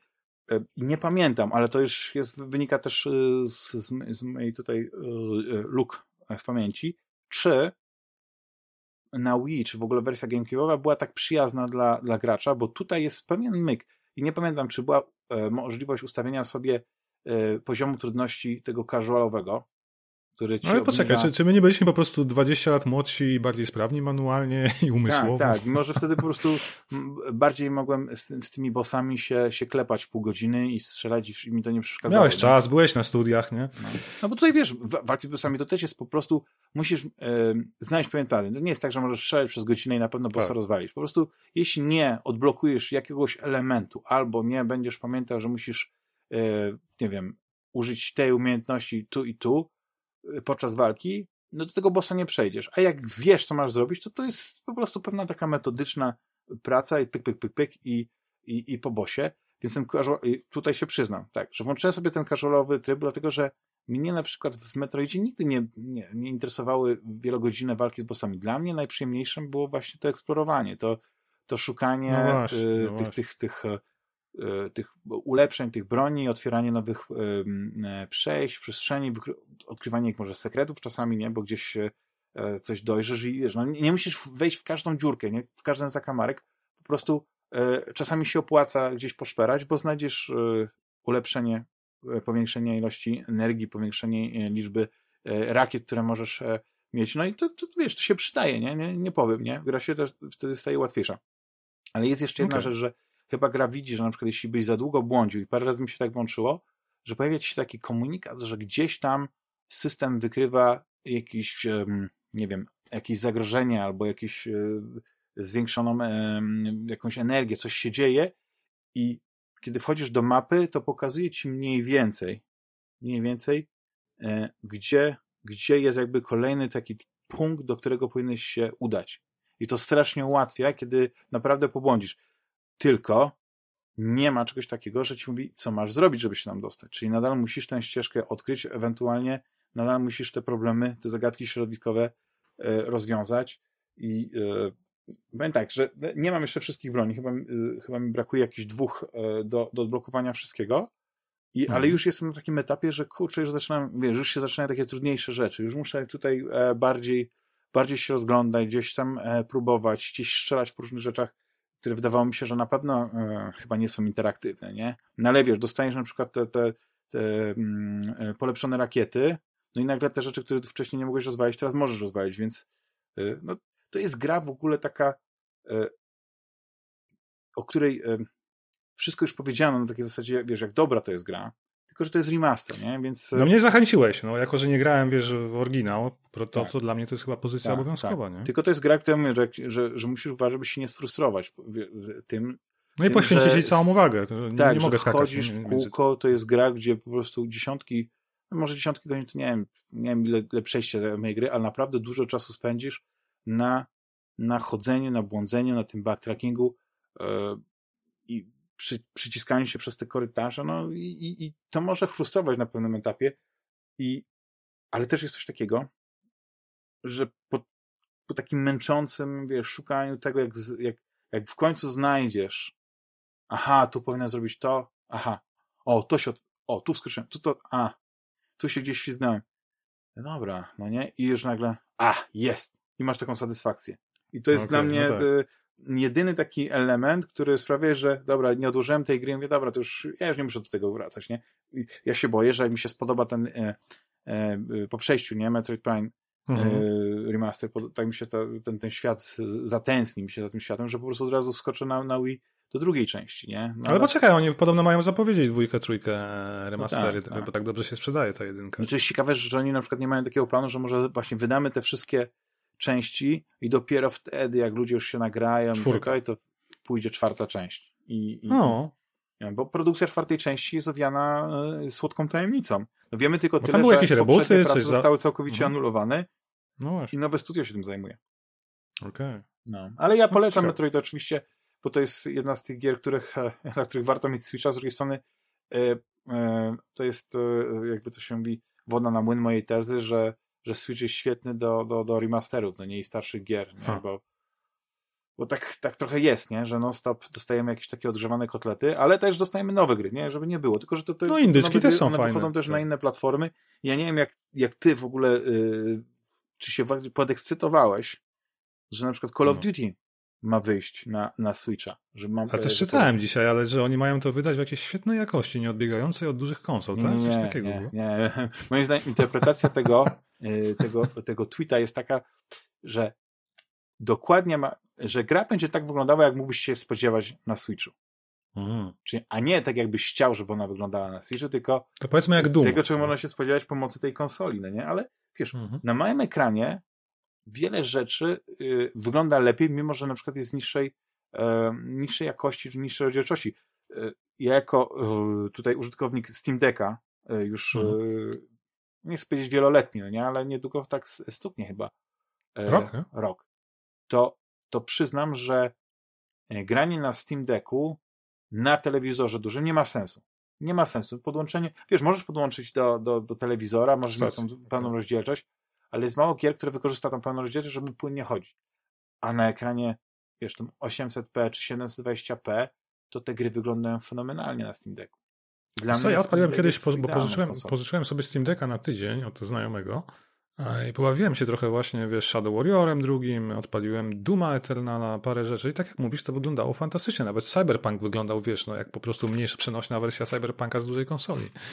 I to, to, to robiło wrażenie faktycznie. Ale ty jesteś, wiesz, starym konsolowcem, więc e, te wszystkie tak. gry i tak dużo ładniej wyglądają Ograłem. na, tych, tych, więc, więc e, no chyba, że byłby jakiś tytuł, których właśnie chcesz konkretnie, e, naprawdę zagrać na, na, na tym sprzęcie swoim, znaczy na, na, na konsolce gdzieś tam w, na wyjeździe, nie? No, na wyjeździe, tak, tak, tak. tak. No ale tak. Rafał, a ty w co ostatnio grałeś i Hmm. No, jest parę ciekawych tam perełek, że się tak wyrażę, na tym twoim... A ja cię zaskoczę może mniej ciekawą perełką, bo o tym ci chyba nie mówiłem, ale jestem wielkim fanem, e, może nie wielkim fanem przesadzam, ale lubię Shadow Warriora polskiego od Flying Wild Hawk I, i wyobraź sobie, że jak w Game Passie pojawił się parę dni, parę tygodni temu w zasadzie Shadow Warrior 3 Definitive Edition, no to nie wahałem się go odpalić i sprawdzić, co oni tu fajnego zrobili, bo grałem w jedynkę, grałem w dwójkę, a trójka jakoś mnie ominęła. W ogóle mam wrażenie, że trójka, bo ona wyszła chyba dawno temu, nie? Z dwa lata temu? Jak w pandemii wyszła? Właśnie strzelam teraz. Oj, nie wiem, ale chyba tak. A i, i, jakoś tak po cichu, nie? Cicho było o tej grze, mam wrażenie, bo, bo dwójka była mocno promowana swego czasu. Oni przecież w sumie skupili się na produkcji Evil, e, nie Evil Dead, Boże, e, Evil West. E, widzisz, po głowie mi chodzi znowu Evil Dead, no. A, bo premiera w kinach niedługo, no tak, w kwietniu ma być chyba nowy Evil Dead Rise, swoją drogą. A, mój umysł błądzi po dziwnych zakamarkach, ale wracając do Shadow Warrior 3 i, i powiem ci, że znaczy, podobało mi się, bo to jest no, kolejna iteracja, wiesz, e, tego samego first person shootera. Natomiast to, co mnie zaskoczyło, że oni tym razem zrobili klona Doom Eternal. Masz dosłownie, słuchaj, sekcje platformowe i kill roomy, między którymi musisz się oczywiście przemieszczać, skacząc, rzucając kotwiczkę, łapiąc się czegoś, biegnąc po jakiejś ścianie slalomem. Wpadasz na arenę, na której masz, wiesz, masę jakichś wrogów, których wrzucają w ciebie. Ty masz oczywiście masę broni i fajnych umiejętności, musisz wszystkich rozwalać, oczywiście się ruszając, tak jak w Doomie Eternal. Jak zostaniesz w miejscu, czy pozostaniesz w miejscu, to zginiesz. Są też specjale, tylko zrobili je trochę inaczej, bo czekaj, czym to się różni od Dooma Eternala? A wiesz, że nie pamiętam? Pamiętałem, ale już zapomniałem. Mhm. No generalnie te specjale są inne, że Doom chyba ci dawał ekstra, ekstra, a ekstra wykończenia ci dawał, tak? I broń, e, a tutaj masz po prostu tylko możliwość ładowania paska, który pozwoli ci wykończyć jednego dużego wroga. O, taka jest różnica. I, i, ale powiem ci, to jest słabsza gra od dwójki jedynki, no bo przecież jedynka moim zdaniem to był, wiesz, taki radosny powrót do tych czasów, e, jeszcze sprzed ery boomer shooterów, nie? Bo jedynka wyszła w 2013 i to był taki, nie wiem, no duchowy spadkobierca tego, wiesz, Shadow Warriora z 97, teraz strzelam, e, od e, Freedy Realms, nie? Gdzie mieliśmy tak. Lowanga i, i tam te wszystkie gry, co wychodziły w tamtym okresie Blood i tak dalej, nie? Były, stały się kultowymi tytułami dla nas. No i udało się temu polskiemu studiu w 2013 właśnie przywrócić trochę ducha tych strzelanin. No teraz mamy, wiesz, zalew boomer shooterów, szczególnie na Steamie, na PC-ty, mniej tego na konsolę no Tak, tylko właśnie to ale... są takie boomer shootery, które są stylizowane na, na jeszcze bardziej tak. boomerowo, czyli po prostu wyglądają e, tak, że, że o, tak pamiętam, właśnie wyglądały te gry za, za moich czasów, ale tak no. naprawdę, a znowu Shadow y, y, Warrior to jest gra, która jest zrobiona współcześnie, nie? Tylko właśnie ma ten, tak. te, te pomysły właśnie, przynajmniej ten pierwszy, tak. Tak, tak, tak, tak, mhm. dokładnie tak. No więc jedynka była fajną, fajną strzelaniną, no wiesz, no zawsze coś, coś Wiesz, też ja mam wrażenie, że 10 lat temu też tych gier było mniej, no to jest oczywiste. Jak wychodziła jakakolwiek strzelanina, a to jest mój ulubiony gatunek gier, no to, to wszystkie przechodziłem i wtedy doceniłem to. Potem wyszła dwójka w 17. To była dziwna, dziwna gra, bo oni postawili trochę na taką ideę looter shootera, nie wiem, czy pamiętasz, trzeba było farmić, wracać do tych samych miejsc, zdobywać jakieś więcej tak, broni, tam pieniędzy, gadżetów. Tak, tak, tak. Był ten hub, ta wioska i, i te misje się wybierało, były misje poboczne, to, to był jakiś ciekawy pomysł, ale nie do końca mi jakby pasowało, w, jeśli chodzi o wykonanie. I jakby nawet teraz z perspektywy czasu sobie włączyłem zobaczyć, jakoś ta grafika mnie odrzuciła i ta, ta, ta, ta stylizacja tego. No ale właśnie trójka, jakby zmienili całkowicie i postać głównego bohatera, który wygląda teraz bardziej tak, wiesz, jak typowy amerykański Azjata, jak sobie wyobrażamy jakiś, który gra bohatera. W ogóle mhm. zmienili aktora głosowego, już nie jest ten klasyczny, który podkładał głos pod Lowanga, a nie wiem, czy wiesz dlaczego. No dlatego, że był białym Amerykaninem, który wcielał się w Azjatę, więc stwierdzili, że to jest, wiesz, niepoprawne politycznie, mamy teraz prawdziwego aktora azjatyckiego No wiesz, no, to, to, to, to, można powiedzieć, że poprzedni e, ten Shadow Warrior, ten pierwszy, w myśl tego oryginalnego Shadow Warriora był bardzo niepoprawny politycznie i miał bardzo no takie, tak. E, można powiedzieć, że kawały, które w dzisiejszych czasach się e, no, zestarzały niegodnie i, i nawet nie warto ich powtarzać, nie? Więc, ale no to jest coś, co, wiesz, my jako fani kina lat 80., pewnych filmów, nie, to my to pamiętamy i wtedy była inna wrażliwość. A że wrażliwość się zmienia, to nie możemy powiedzieć, że o, ludzie powariowali i, i, powiedzmy, że co oni tam pozamieniali tych aktorów, przecież mogło być spokojnie, tak przecież nic się nie stało. Ale wiesz co, moim zdaniem bardzo pozytywnie, bo ten Mike Moch, ten nowy, co, mhm. co, co wciela się w Loanga, e, bardzo, bardzo pasuje do tej postaci i też rzuca fantastycznymi żartami, więc jakby idea tego została. E, sama gra mi się podobała, natomiast no mam wrażenie, że to jest po prostu, wiesz, tak jak mówię, kopia Doom Eternala, Praktycznie nie ma fabuły, to mnie zaskoczyło, bo zawsze była jakaś fajna przewodnia fabuła, dużo więcej humoru i, i czegoś ciekawego w tle, co się działo. A tutaj mamy po prostu bardzo. Fabuła jest pretekstem. To jest mhm. dosyć krótka gra, kilkugodzinna, 6, 7, może 8 godzin w to grałem, wiesz, to jest bardzo mało jak na FPS, a takie Call of Duty można powiedzieć, nie? I, Ale też... A, bawiłem się dobrze, więc tak. wydaje mi się, że to jest taki, wiesz, średniaczek, który akurat jest w Game Passie, jak ktoś ma Xboxa, to może sobie odpalić, dobrze się pobawić, spędzić miło weekend i pod warunkiem, że lubi Shadow Warriora i, i ten specyficzny humor i, wiesz, czystą rozwałkę, można powiedzieć bezmyślną momentami. Tak, nie? Tak. A ten Evil Więc... West e, pograłeś? Podobał ci się? Nie, do tej pory nie grałem, bo wiesz co, jakoś nie miałem okazji, a jak patrzyłem im dłużej patrzyłem na oprawę graficzną filmiki, to doszedłem do wniosku, że jest taka gra typowa z Xboxa 360, nie? Taka, taka gra będąca, wiesz, nawet dalej niż ostatnia generacja konsol. Czyli teraz mamy którą? Dziewiątą chyba, tak? No to siódmej generacji. No. A, nie wiem, a ty grałeś w Evil Westa? Nie, ale wiesz co, tak e, na początku zupełnie mnie, mnie nie interesowała, a teraz e, tak, tak czekam, aż ktoś mnie przekona do niej. A tak, skoro mówisz, czujesz się nieprzekonany, no to, Czekam na no promocję, to... wiesz? Jak, jak, może w Game Passie będzie, może za 5 dni. się pojawi w Game Passie, to, chętnie sięgnę, bo, bo to, to, wiesz, jak Flying Wild pokazuje, są sprawnymi rzemieślnikami. Ja więcej od nich nie wymagam dzisiaj. A, a, a może zrobią kiedyś super killera jakiegoś, wiesz, e, tak. triple A, nie? A, o, wszystko na to wskazuje. No. A kolejny plus, że jak ktoś posiada właśnie Game Passa, to po Shadow Warriora 3 może sięgnąć. Tak. Widzisz, chwalimy Microsoft, chwalimy Microsoft. Chwalimy Microsoft. No i druga gra, która, słuchaj, przypadkiem znalazłem, a się okazało, że Rysław to streamował y, po fakcie, ktoś mi skomentował, czyli Unusual Findings, e, taka no, można powiedzieć e, retro przygodówka. W zasadzie to jest nowoczesna przygodówka, ale zrobiona na modłę takich point and clicków z lat 90. I tak też wygląda, tak się też steruje, gdzie no nie sterujemy postacią gałką, tak jak w każdej nowoczesnej przygodówce, tylko musimy kursorem wskazać miejsce, kliknąć i nasza postać tam tradycyjny Prędzej point and click taki, taki wiesz, jaki, jak, jak, e, jak to powinno być prawilnie, prawda?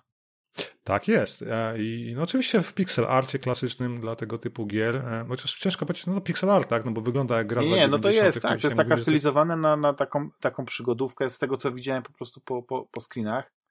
To, to faktycznie, no, wielkie piksele, ładnie to wygląda. No tak jak te przygodówki, jak te, te, te klasyczne Monkey Island, jak na przykład, nie wiem, Indiana Tak, LucasArts, czy wiesz, tak no, trzeba pamiętać, że, że pewnie możliwości komputerów tak. są większe, więc, więc tam jest tak, więcej no to jest, szczegółów, to jest, grafika może być ładniejsza, ale nadal to jest ten sam duch e, takich tradycyjnych e, przygodowych z lat 90., nie? W tym wszystkim. Oj tak, zdecydowanie. No to jest, to jest generalnie gra, która czerpie garściami z lat 80., z popkultury amerykańskiej oczywiście, Historia to jest miks wszystkiego tego, co lubimy, czyli i Stranger Things, i jakieś kosmici, i E.T., bliskie spotkania trzeciego stopnia i tak dalej, i tak dalej. Czyli w wielkim skrócie mamy trzech chłopaków, ekipę e, zwariowaną, która próbuje, wiecie, tam na początku e, zdekodować, nie wiem, kablówkę, żeby oglądać e, filmy erotyczne wieczorami. Oczywiście Niech im pierwszy, udaje. rzuci kamieniem, tak. to nigdy nie dekodował jakiegoś na lewo kablówki albo tego satelity. Kiedyś się tak robiło, kupowało na warszawskim wolumenie lewe karty do Filmnetu i działało, wiesz. Tak, tak to było. Nie? Moja pierwsza satelita, to się przyznam, to właśnie była taka, że kupiłem satelitę i, i kupiłem też kartę i ja tą satelitę mhm. do komputera przez tą kartę połączałem i tam był jakiś player i, i tyle. I tyle się skończyła moja zabawa z tym, ale to było ciekawe doświadczenie. Wiesz, nikt mi tego nie odbierze, no nie? No tak, to takie wspominki z lat 90. to faktycznie się przypominają generalnie takie rzeczy, jak się gada o tym. Um, Zmierzałem do tego, że no generalnie mamy miszmasz wszystkich tych gatunków właśnie z lat 80., szczególnie z filmów amerykańskich, z tej popkultury. No i chłopaki, wiesz, po zdekodowaniu tej kablówki y, przechwytują jakiś sygnał. Okazuje się, że to jest sygnał mm, jakiegoś obcego statku, coś dziwnego na telewizorze, zaraz za oknem widzą, że coś spada, się rozwala w lesie. No więc tak zawiązuje się akcja. Chłopaki jadą do lasu, zobaczyć, co się stało. Tam widzą obcego, obcy, obcy coś tam robi, oni uciekają i, i, no, no i planują generalnie złapać tego obcego. Tak się zaczyna gra. Mamy małe miasteczko, mamy klasyczne miejscówki, wiesz, jak, nie wiem, bar, jak arcade, czyli salon z automatami, sklep z grami. Pewnie wypożyczalnia filmu wideo musi być pewnie. Tak, jest oczywiście. No, no, więc generalnie chodzimy po różnych planszach, szukamy przedmiotów, jak to w klasycznej przygodówce i zastanawiamy się, co musimy zrobić, albo co do czego użyć, żeby pójść dalej, popchnąć akcję dalej. I przyznam ci szczerze, szczerze że są takie momenty, gdzie faktycznie się zawieszam i chcąc, nie chcąc muszę rzucić okiem na jakiegoś faka w necie, bo po prostu nie wiem, co zrobić. E, trochę też wypadłem jakby z tego. Na szczęście to są w miarę logiczne rzeczy. To nie jest tak, że wiesz, robimy mm. pixel hunting i łączymy, nie wiem, krzesło z szafą, dostaniemy traktor albo coś w tym stylu. Tak, tak, tak. E, więc no, na szczęście, wiesz. Więc, no wiesz, ja e, przyznam się bez bicia, bo to, żebyś nie czuł tutaj e, jakoś gorzej, no nie? Aha. Ja jak grałem w Monkey Island, tą, tą Return to Monkey Island, tą nową, nową część, to ja sobie włączyłem tę taką wersję. A jest bardzo fajny system podpowiedzi tam w ogóle. Mhm. Swoją drogą, tak, tak. No ja też korzystałem czasami, żeby, wiesz, pchnąć akcję do przodu, bo nie chciało mi się już, nie wiem, w nocy myśleć. Ale nie, nie, ale wiesz, że, że, że, nie wiem, czy jaka w tej grze to jest, nie? Ale to, co było wprowadzone z, z nową wersją Monkey Island 2 i o, już okay. stało się pewne jakimś takim standardem w niektórych grach, że mogłeś sobie wybrać właśnie to wersję light albo wersję taką klasyczną, że te, że, że te zagadki są na tyle proste, że nie musisz sięgać po tego faka. Chociaż, wiesz, dla pełni zabawy to pewnie lepiej właśnie wziąć taką, taką normalną wersję Ale tak i raz na jakiś czas e, rzucić okiem na, nie, na, na jakąś solucję. To jest to, co mówisz, widziałem, pamiętam, bo grałem Full Throttle, też jedna z moich ulubionych gier od LucasArtsu i, i tam faktycznie było tak, że można było te takie zagadki z zajączkami, pamiętasz? Coś tam mhm. było, można było wyłączyć to w ogóle i przejść dalej. Jakieś takie właśnie ułatwienia były. Tak, tak. Ale w ogóle patrzę na, na, na, na screeny i no tak super wygląda ten klimat. Ale w ogóle, słuchaj, ci bohaterowie, ogóle... jeden wygląda jak, jak Marty z, z Powrotu do przyszłości, drugi wygląda jak, tak. jak bohater, e, którego grał Charlie Sheen w Hot Shotach albo Rambo. No trzeci to jakiś Harry tak. Potter, no ale to nie wiem, co to mówić. Ale wiesz co, w ogóle tam, tam, tam najlepsze jest to, że na każdej planszy jest coś, co klika, żeby zobaczyć. Masz plakaty z filmów, nie wiem, Oni żyją, Carpentera, wszystko, co wtedy w tych latach 80 było na to. Ale czy nie są jakieś mają... przerabiane te plakaty, że one są jakoś takie yy, Tak, są niewidoczne, jakby są rozmazane Nawiązują, aha, ale nie, nie są idealne, tylko po prostu nawiązują, tak? Tak. Przez, przez Więc klikasz z ciekawości, żeby powiedzieć, zobaczyć, co twój bohater o tym filmie powie, nie? Że wow, Star Warsy były fajne, bo Luke zrobił coś tam, nie? Albo, ale nie padnie ci słowo Star Warsy, no bo pewnie nie mają praw, żeby to wymienić, tak. więc wiesz, ale jest świetnie. Musieliby napisać, mówić w słowie tam, w jakimś ścieżki tego jest Star Wars TM. Tak jak kiedyś się tak. chyba, nie wiem w jakiej to grze było i nie wiem czy przypadkiem e, Lukasu nie, chyba, Lukasu, nie? gdzie po prostu darli Lacha, Lacha z tego tak. powodu. Albo w Thimbleweed Park. Ale A, to, możliwe. Nie, nie wiem, czy tam nie było czegoś takiego, że oni po prostu wykorzystywali pewne nazwy własne i za każdym razem jak się pojawiała jakaś taka, to musieli dodawać ten, że to jest, e, że to jest trademark, nie? Znak handlowy. Tak. Coś w tym stylu. Ja tylko chciałem wiesz co, jeszcze dodać, że jest genialna muzyka i genialny dubbing, bo nie spodziewałem się, że będzie dubbing, a jest normalny voice acting, fantastycznie podłożone głosy bohaterów, no i świetny synth-pop dla, wiesz, i mają, słuchaj, mają licencjonowaną muzykę, te wszystkie hity od Cindy Lauper po, nie wiem, nie będę teraz wymieniał jakichś, wiesz, tam, couple z tamtych lat, ale no mega. Trochę jak Gunisi, wiesz, dosłownie jakbyś odpalił Gunisów, początek to po prostu cię tak wciągnie. E, no Gunisi przyprawieni oczywiście szczyptą, wiesz, science fiction i tam innych Tak. tematów, czyli te wszystkie tematy, które mielimy na co dzień, nie? Stranger Things, nie wiem, Ostatni lot nawigatora, pamiętasz taki film? E, Tak, ostatnio nawet oglądałem, bo jest na Disneyu, na Disney O. Plus. I y, ja nie pamiętałem, że to jest taki dosyć prosty film. Gdzieś mi się wydawało, że to może być coś jak The, To The Last space. Starfighter coś takiego. A to jest taka prosta przygoda, no tam jest jeden element, no nie taki, że ten, ten skok w czasie. To jest takie, nie? wiesz co, to jest taki IT dla biedaków, mam wrażenie, nie? Tak, przy tak, małym to musiało wtedy powstać, się, kiedy był taki, co możemy wymyślić, żeby to było, nie wiem, coś Ale mamy IT w domu, nie? Ale Tak. jakie? Tutaj, zobacz. No, no. Wiesz, ten, Ale spoko. tam, były bardzo ciekawe efekty specjalne, jak na tamte czasy, z tym, z tym Mhm. statkiem, no nie, i z tym, e, z tym, jak on się tam zmienia. No, nie jest to może najlepszy y, film science fiction taki, ale faktycznie y, y, jest na tyle y, sentymentalny, że jak wróciłem do niego, to nie było tak, że o, straciłem czas, żeby po prostu jeszcze raz obejrzeć tego Ale obejrzałeś. Tak, tylko taki, wiesz, sympatyczny, nie, że taki, no i ta rodzina na końcu, tak wszystko się fajnie kończy. Taka przygoda, to Familijne jest taka kino, przygoda, tak. wiesz, każde dziecko chciałoby przygo- taką przygodę przeżyć, nie, właśnie, że e, i, i to Tak. jest, e, to jest taki, fajn, taki, takie fajne w tych filmach, nie, dla, z lat 80. One są takie dosyć proste w tym wszystkim, no i ach, nieważne, napijmy się. Tak, dlatego, dlatego wszystkim polecam Unusual Findings, jest demo dostępne na wszystkie platformy, to jest chyba najważniejsza informacja, więc Mac ma Switcha pod ręką, PlayStation, Xboxa, PC, ściągnij, pograj. Moim zdaniem ciebie to kupi i, od razu sobie zdobędziesz pełną wersję, żeby zagrać, bo super, polecam. Nie, Unusual bo ona była w Findings. ogóle na moim radarze od dłuższego czasu, tylko to była kwestia tego, że zawsze coś mnie od, odciągało. I tak, faktycznie też widziałem właśnie, że Ryszard zaczął streamować, bo pierwszy raz w ogóle ta gra pojawiła się, znowu to powiem, na, na, na, u mnie na, celowniku, że tak, tak Mhm. powiem, yy, podczas plebiscytu, nie, tam na O. roku 2022, bo, bo ktoś, to, no chyba jedna osoba tylko, wymieniła ten tytuł, ale ja zawsze tak, że jak coś mnie intryguje, nie, to i tam jeszcze Ja nie słyszałem o tym do Wiesz, jak to zna... Wiesz, jak ja to znalazłem? Wpisałem sobie do Google'a gry podobne do Beneta Steel Sky, nie, Beyond ostatnio grałem. Mhm. Beyond Steel Sky, daj mi przygodówkę jakąś tam plus science fiction, wiesz, jakieś takie sercze sobie Tak. robiłem. I nagle mi to wyskoczyło, nie?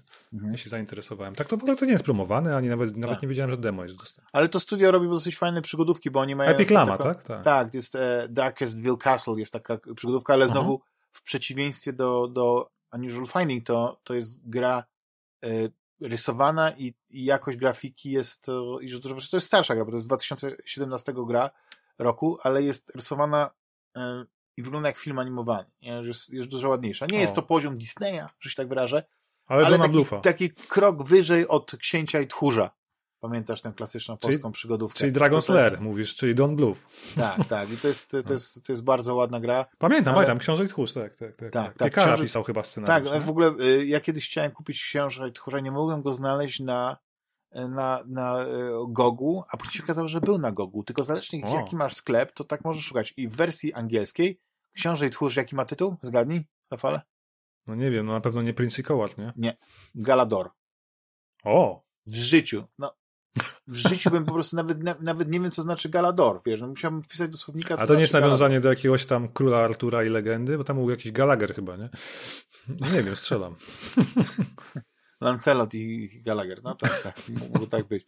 Nie wiem, nie wiem, nie wiem, ale, ale powiem ci, że, że y, mam i jak już ściągnąłem sobie i kupiłem tego księcia i tchórza, to później się No. okazało, że y, w sumie nie mam y, nie mam czasu, żeby w to grać, no bo to jednak klasyczna przygodówka, nie? To tak trzeba No jednak tak. się wgłębić i, i pozwolić sobie na, na odrobinę frustracji przy rozwiązywaniu y, zagadek, albo tak jak mówisz, ja w ogóle jestem y, pro granie z solucją, bo tak całe życie za dzieciaka grałem. Ja nie udawałem, że przecież wszystkie te gry przeszedłem sam i, i, i tak dalej. Nie no wiesz, no bariera No. językowa, ja pamiętam, słuchaj, jak miałem Tak. Amiga 500, Secret, Secret of Monkey Island 2 odpalone, ja się uczyłem angielskiego z tą solucją skserowaną, wiesz, z giełdy z Grzybowskiej. Jesteśmy ten I sam co- rocznik, mamy ten sam ten, więc nawet angielskiego się w podobny sposób uczyliśmy. Nie w szkole, nie ten, Nie. tylko dzięki komputerom. jest... Use, ja do dzisiaj pamiętam, użyj łopaty, use shovel, on coś tam, nie? No. I człowiek się uczył, wkuwał słówka, tak. Yy, niedawno, a to wspominałem o tym chyba w jakimś poprzednim odcinku, że wróciłem do, do tych klasycznych przygodówek point and click, bo po pierwsze chciałem e, przejść jedynkę i dwójkę Monkey Island. A na Midze? Okej. Okay. Ale za ciosem, słucham? Na Amidze grałeś, nie? Tak jak na Amidze, no i właśnie tak prawilnie na Amidze. Czyli okay. wtedy, co zniosłem ten cały sprzęcior, e, to, to, to właśnie na Amidze. To już nie był bo, weekend, to był tydzień chyba. Co? No i na kineskopie to w ogóle nawet ta grafika wygląda kapitalnie, bo, bo, na, na, bo Amiga jednak miała troszeczkę gorszą grafikę, jeśli chodzi o pewne elementy. Chociaż jeśli chodzi o pierwszą część Island, to w ogóle Amiga, Amigowa wersja to była jedna z najładniejszych, w ogóle najlepszych hmm. pod względem graficznym, bo tam było tych wersji chyba z 10 nawet na, na Herkulesa, nie? czyli na monochromatyczną e, grafikę, ale ym, wiesz, e, za, idąc za ciosem, tak postanowiłem, że kurczę, ja nie pamiętam zakończenia e, Indiana Jones and the Fate of Atlantis, nie? I, i mówię, hmm. zagram, tylko oczywiście na Amidze jest też świetna wersja i można zagrać i też na przykład polecam, że ktoś chciałby przeżyć tą amigową przygodę, to może na przykład na tym mini A500 mini, nie? Odpalić sobie, hmm. ale tak, tak, tak. Y, jeśli, jeśli się m, trochę postaramy, to można odpalić wersję właśnie z, z dubbingiem, z, z, z gadaniem y, przez Scambi. I to jest y, już taka optymalna wersja. Masz no wiesz, że proszę kupić na Gogu i masz ze wszystkim. Wersję CD PC-tową. no, no to widzisz, no to, no to tak? Tak. Ja no miałem gdzieś jakąś starą właśnie na ten. Ja nie wiedziałem właśnie, że ten, bo... Z voiceoverem, tak. To, to tak, to polecam na Gogu, żeby kupić, bo to jest w ogóle gra, która, która się nie zestarzała ani o jotę. Po pierwsze, y, rozgrywka, jest, no nie, no to jest bardzo tanio, naprawdę warto. Bo ona się nie zestarzała, nie, ona ma dodatkowo, wiesz, te trzy ścieżki, tak, czyli możesz grać mhm. siłowo, czyli e, prać po mordach tych wszystkich e, Niemców i takich nazistów tam, możesz używać, jak to się mówi, mózgownicy i sam rozwiązywać wszystkie zagadki, a możesz tak troszeczkę ten social engineering, bo tam masz tą, e, tą e, Sofię Hapwood, e, przyjaciółkę, która, hmm. która jest zafascynowana tą Atlantydą, ale też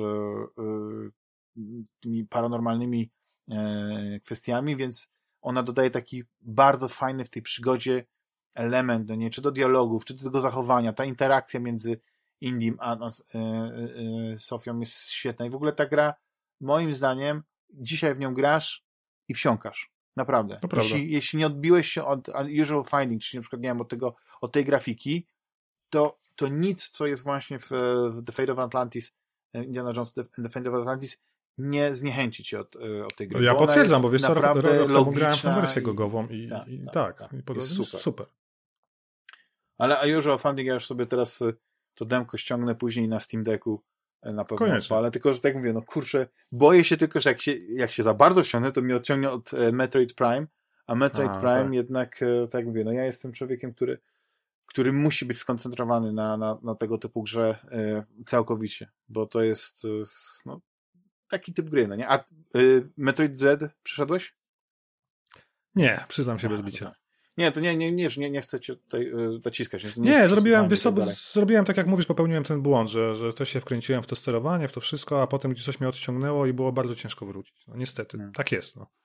Wiesz, no, też druga rzecz jest taka, że Metroid to jest taka seria, która też dała, no razem z Castlevania, prawda, te Metroidvanie, nie? Mhm, Pewnemu, no tak? temu, temu całemu gatunkowi. I moją ulubioną Metroidvanią, e, dawno o tym nie mówiłem, to jest Shadow Complex. Taka o, stara ja pamiętam gra z Xboxa, Xboxa 360. To... No. Ona swego czasu była jak, jak Epic e, Games. Tak. Pierwszy raz zakładał swój sklep, to do, do, rozdawał w ogóle Shadow Complex za darmo.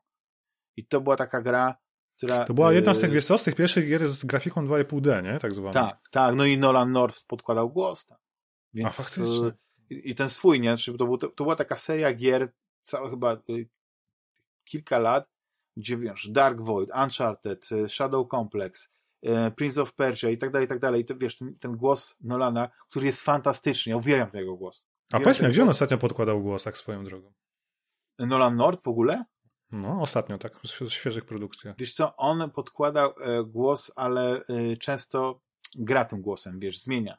Więc on okay. nie, nie, nie, nie, mm, nie podkłada y, tego swojego, znaczy na pewno gdzieś tam wiesz, ten jego oryginalny jest, ale jeśli chodzi wideo, o gry wideo, to ostatni raz y, z tego, co widzę, to, to o, Destiny 2, Lightfall. On podkłada A, głos teraz pod wyszło, tak. tak. Ghosta. E, te, te gry z serii Justice League i, i Suicide Squad. E, Okay. Był Deadpoolem w Marvel's Midnight Sun. E, jakieś No, tam w robił które nie grałem. No to jest niesamowity aktor głosowy. Mhm. E, I w High on Life na przykład brał, e, brał udział, ale nie wiem kogo tam grał. Po prostu O. robił dodatkowe głosy, nie? I, i, i Okej. wiesz, no. W ogóle z tego co widzę, otworzyłem sobie teraz niezawodny, nieomylny e, przewodnik e, po, po e, filmografii i voiceografii, jeśli mogę tak powiedzieć, Nala Northa i widzę, że Guild Wars 2 nadal, nadal ma się świetnie, bo wyszedł dodatek w, tamtym roku, Wow. End of Dragons. No, patrz- patrzę tutaj, nie no jest, jest kilka tytułów, nie musiałem wymienić, ale, Okej. ale na pewno nie jest to tak, tak aktywne jak wcześniej, wiesz, no. Mam wrażenie, że Troy Baker No, jest bardziej na Tak. top. No w ogóle Troy Baker i, i on mieli taki jakiś program y, chyba e, Retro Replay na, na Mhm. YouTubie, taki kanał, bardzo, bardzo fajny, ale chyba się poróżnili, coś tam się ich drogi rozeszły i, e, i, i Troy Baker chyba swój kanał założył, ten został przy tym, więc nie wiem, co tam się dzieje. Znaczy, w ogóle, a propos Nolana Northa, widziałeś film Uncharted? No oczywiście, Nie niestety. widziałeś Nolana Northa na plaży. Tam. A tak, tak, tak, faktycznie No, jest no. to. Zresztą ja, ja dzisiaj, dzisiaj e, odebrałem steelbooka od mojego kolegi Grzegorza, który, który w ogóle daje zarobić Amazon, e, włoskiemu Amazonowi, tam ściąga z, z tego i e, no, była taka nieoczekiwana to decyzja, ale akad mi się ten serial bardzo podobał, serial, film Uncharted podobał, więc w sumie Naprawdę ci się podobał? Steelbook e, będzie, będzie, będzie na pewno godnie, godnie wyglądał no, w mojej tam kolekcji filmów. E, no. A Troy Baker, tu takie z- zdradzę, pojawia się w, pojawił się w ostatnim odcinku, który widziałem, albo Tak jest. e, The Last of Us. Tak jest. Najwyżej będziemy o tym zagrał. rozmawiać za chwilkę, ale, ale tak patrzę, no nie wiem, kurczę, kojarzę tego głos, y, aktora. I też głos też taki znajomy. I później szybko sprawdziłem, tak, to jest Troy Baker. Więc to jest no, takie ciekawe, bo Troy Baker jest oryginalnym Joelem, no nie, z, z, z gier Tak, z gier e, The Last of Us. miło. Mhm. Tak to się zagadałem tutaj, e, a to ty miałeś opowiadać, co ostatnio grałeś. Ale nie, E, ja Unusual Finding e, polecasz, więc cieszę się. Więc mnie przekonałeś, że, że, że to warto to super. sięgnąć. I tak. w górę, Wiesz lata i- 80. górą, no i 90. Wiesz co, tak naprawdę to ja sporo czasu, tak jak gadaliśmy trochę na przedanteniu tak zwanym, no to poświęcam serialom, filmom, komiksom, książkom, więc to też jest dużo tematów. No, a propos przygodówek, widziałem, że No. e, zakupiłeś książkę Point and Click od e, Bitmap Tak, Brothers. tym razem tak kupiłem, nie, nie dostałem. No, a ja nawet nie wiedziałem. A to, jak to możliwe, że można dostać? Musisz mi, w takim razie porozmawiamy o tym poza zakończeniem odcinka. Jak, jak można zostać influencerem? Nie wiem, piszesz maila do Bitmap Books, mówisz, że masz najstarszy podcast w Eterze e, i, i dostaniesz książkę do recenzji. Chciałem pokazać waszą książkę w moim e, audio-only podcaście. Na przykład. No. Ale ten point and click, widzisz, ja jestem fanem ogromnym książki, którą już kiedyś e, polecałem. E, Wiem, że e, ona jest w wersji cyfrowej też na, na Kindle, ale ona nie, nie robi takiego wrażenia. To jest The Guide to Classic Graphic Adventures. Mhm. pod redakcją Karta Kalaty. Kerta Kalaty i to jest książka, tylko że tam są czarno-białe zdjęcia, ale to jest świetna, kompleksowa, ja to bym nawet powiedział encyklopediia gier przygodowych. I to jest od genezy, prawda, tam jakiś, wiesz, tego nawiedzonego domu, tych pierwszych gier serii, Sierra, King Questu, Space Quest i tak dalej, poprzez te ostatnie tytuły, nie, takie bardziej e, full motion video, nie, ale każda gra, którą my pamiętamy jako właśnie taka przygodówka, która była ciekawa, która coś znaczyła, to ona jest tam opisana, to się świetnie czyta. Tylko, że tam zdjęcia są czarno-białe i bardziej chodzi o tekst. A tutaj widzę, że, tutaj, że ten point and click, tak, czyli y, jaki jest pełny tytuł, y, Rafale? E, The Art of Point and Click Adventure Games, nie? Tak, że właśnie ten art jest bardzo istotny, bo tu jest, są, są przepiękne grafiki, tak, jak to wygląda w ogóle, tak, to twoje obcowanie tą książką, ona jest gruba, ile ona ma stron? Ile tam jest w ogóle No to jest treści? prawie 600 stron. W zasadzie to jest, tak jak mówisz, prawdopodobnie też takiej samej skali encyklopedia jak ten Classic Guide, no bo tu się zaczyna od, wiesz, pierwszych gier. Pomijają gry tekstowe, ale mówią o nich, że to były początki Zork i reszta, nie? Natomiast potem jest właśnie Sierra Online, Mystery House y, i te rzeczy. Generalnie wszystkie najważniejsze studia tamtych lat, które były Sierra, Lucasy, ale wiesz, co jest najważniejsze w tej książce? Abstrahując od zdjęć, no bo wrzucisz piękne, kolorowe zdjęcie Space Questa, powiesz, że wiesz, tam, nie wiem, sz- szlagier od Sierry, nie? Albo wrzucisz jakieś inne, Tak. nie wiem, Future Wars, tak? Od Erika Shai i Paula Cuseta, o, czyli Delfin, tak? I tak dalej, i tak dalej. Natomiast wywiady, wiesz, są wywiady z tymi wszystkimi twórcami, fantastyczne wywiady właśnie o tym, jak to było kiedyś pracować, bo to jest współcześnie książka napisana parę lat temu, to jest trzecia edycja, tam poprawiona o parę nowych rzeczy. Oni jeszcze w tej książce mówią o tym, fajnie by było, jakby Ron Gilbert wrócił do Secret of Monkey Island. Wiemy, że wrócił teraz, nie? Z Return to Monkey Island, a to jest tak 2-3 lata jakby przed tym napisane, tak. bo kończy się na Timbleweed Park, jak tam się e, kolesie wie, spotkali z powrotem pracować nad przygodówką, nie? Tam, ta, ta, już nie pamiętam tych nazwisk, przepraszam, mhm. Wypadły mi z głowy, ale ci, ci klasycznie, więc wywiady i trochę fajnych historii właśnie odnośnie tego, jak to było wtedy robić gry, jak Steven Spielberg, wiesz, wpadał do LucasArtsa i testować Indiana Jonesa się kłócił tam z głównym, wiesz, tym, który programował tą grę i że chce joystick, bo chce coś tam, nie? To są takie fajne niuanse, które czytasz, mówisz wow, nie? Jakby czujesz to namacalnie, jak to było tworzyć gry w tamtych czasach.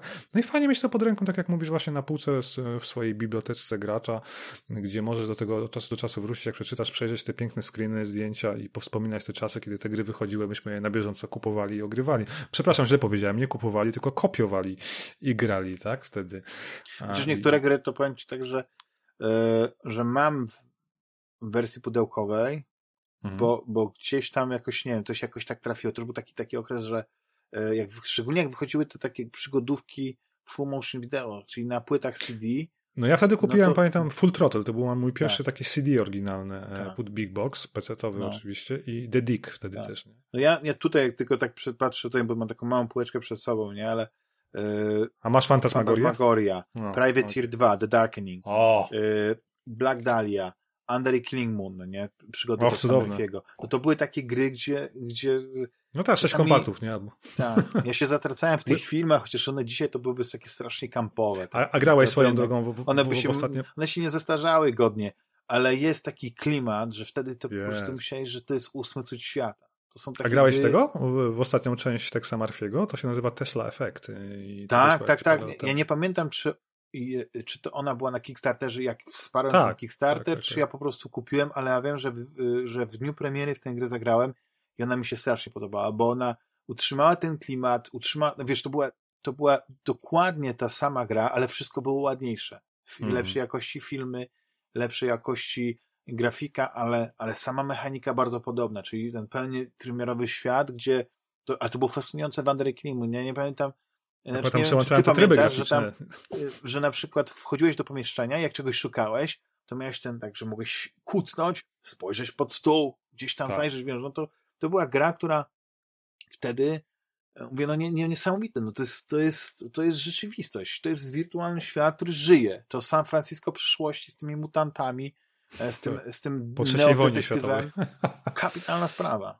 No dzisiaj to się mówi, no, y, y, starzeje różnie, nie? Że, y, ale bo ja planuję w ogóle wrócić do tych gier, bo przeszedłem tak do końca, że się tak wyrażę, czyli że naprawdę przeszedłem, to tylko właśnie Under King Moon. A czy Pandora Directive, czy Overseer? Niestety nie.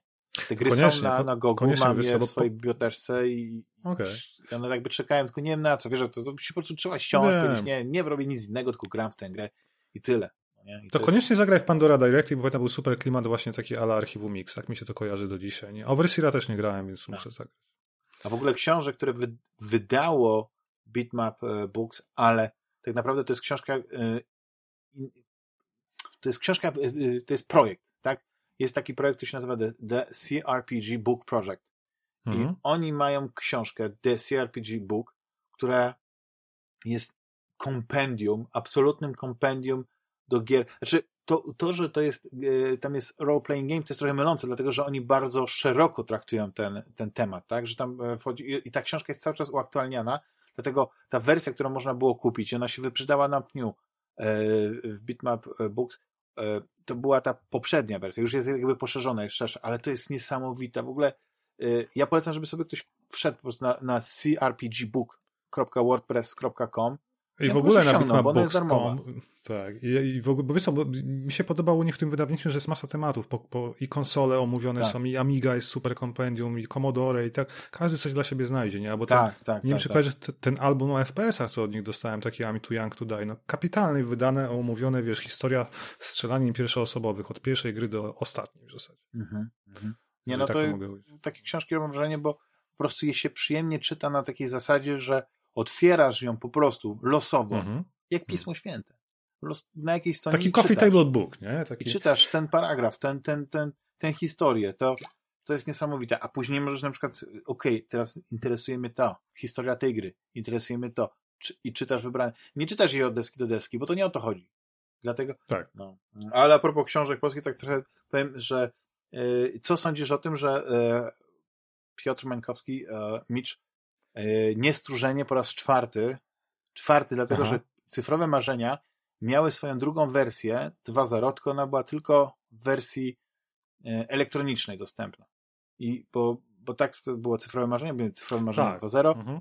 Później była ta wielka księga, która ja uznaję, że mimo pewnych nieścisłości, jakichś tam skrótów rzeczowych, tak. jakichś tam e, e, historii, które mógł ktoś inaczej zapamiętać, to to jest dla mnie fantastyczna taka podróż sentymentalna. Trochę jak e, nie tylko Wiedźmin e, Kosmana, tak. nie? Marcina Kosmana, że czytam i ja po prostu pamiętam to, bo ja to, wiesz, my przeżyliśmy tę historię. Może nie od samego, tak, wiesz, ale my żyliśmy, wiesz, tych, tych tak Space Wars, nie byliśmy w latach 60., 70., kiedy była rewolucja Atari i Ponga.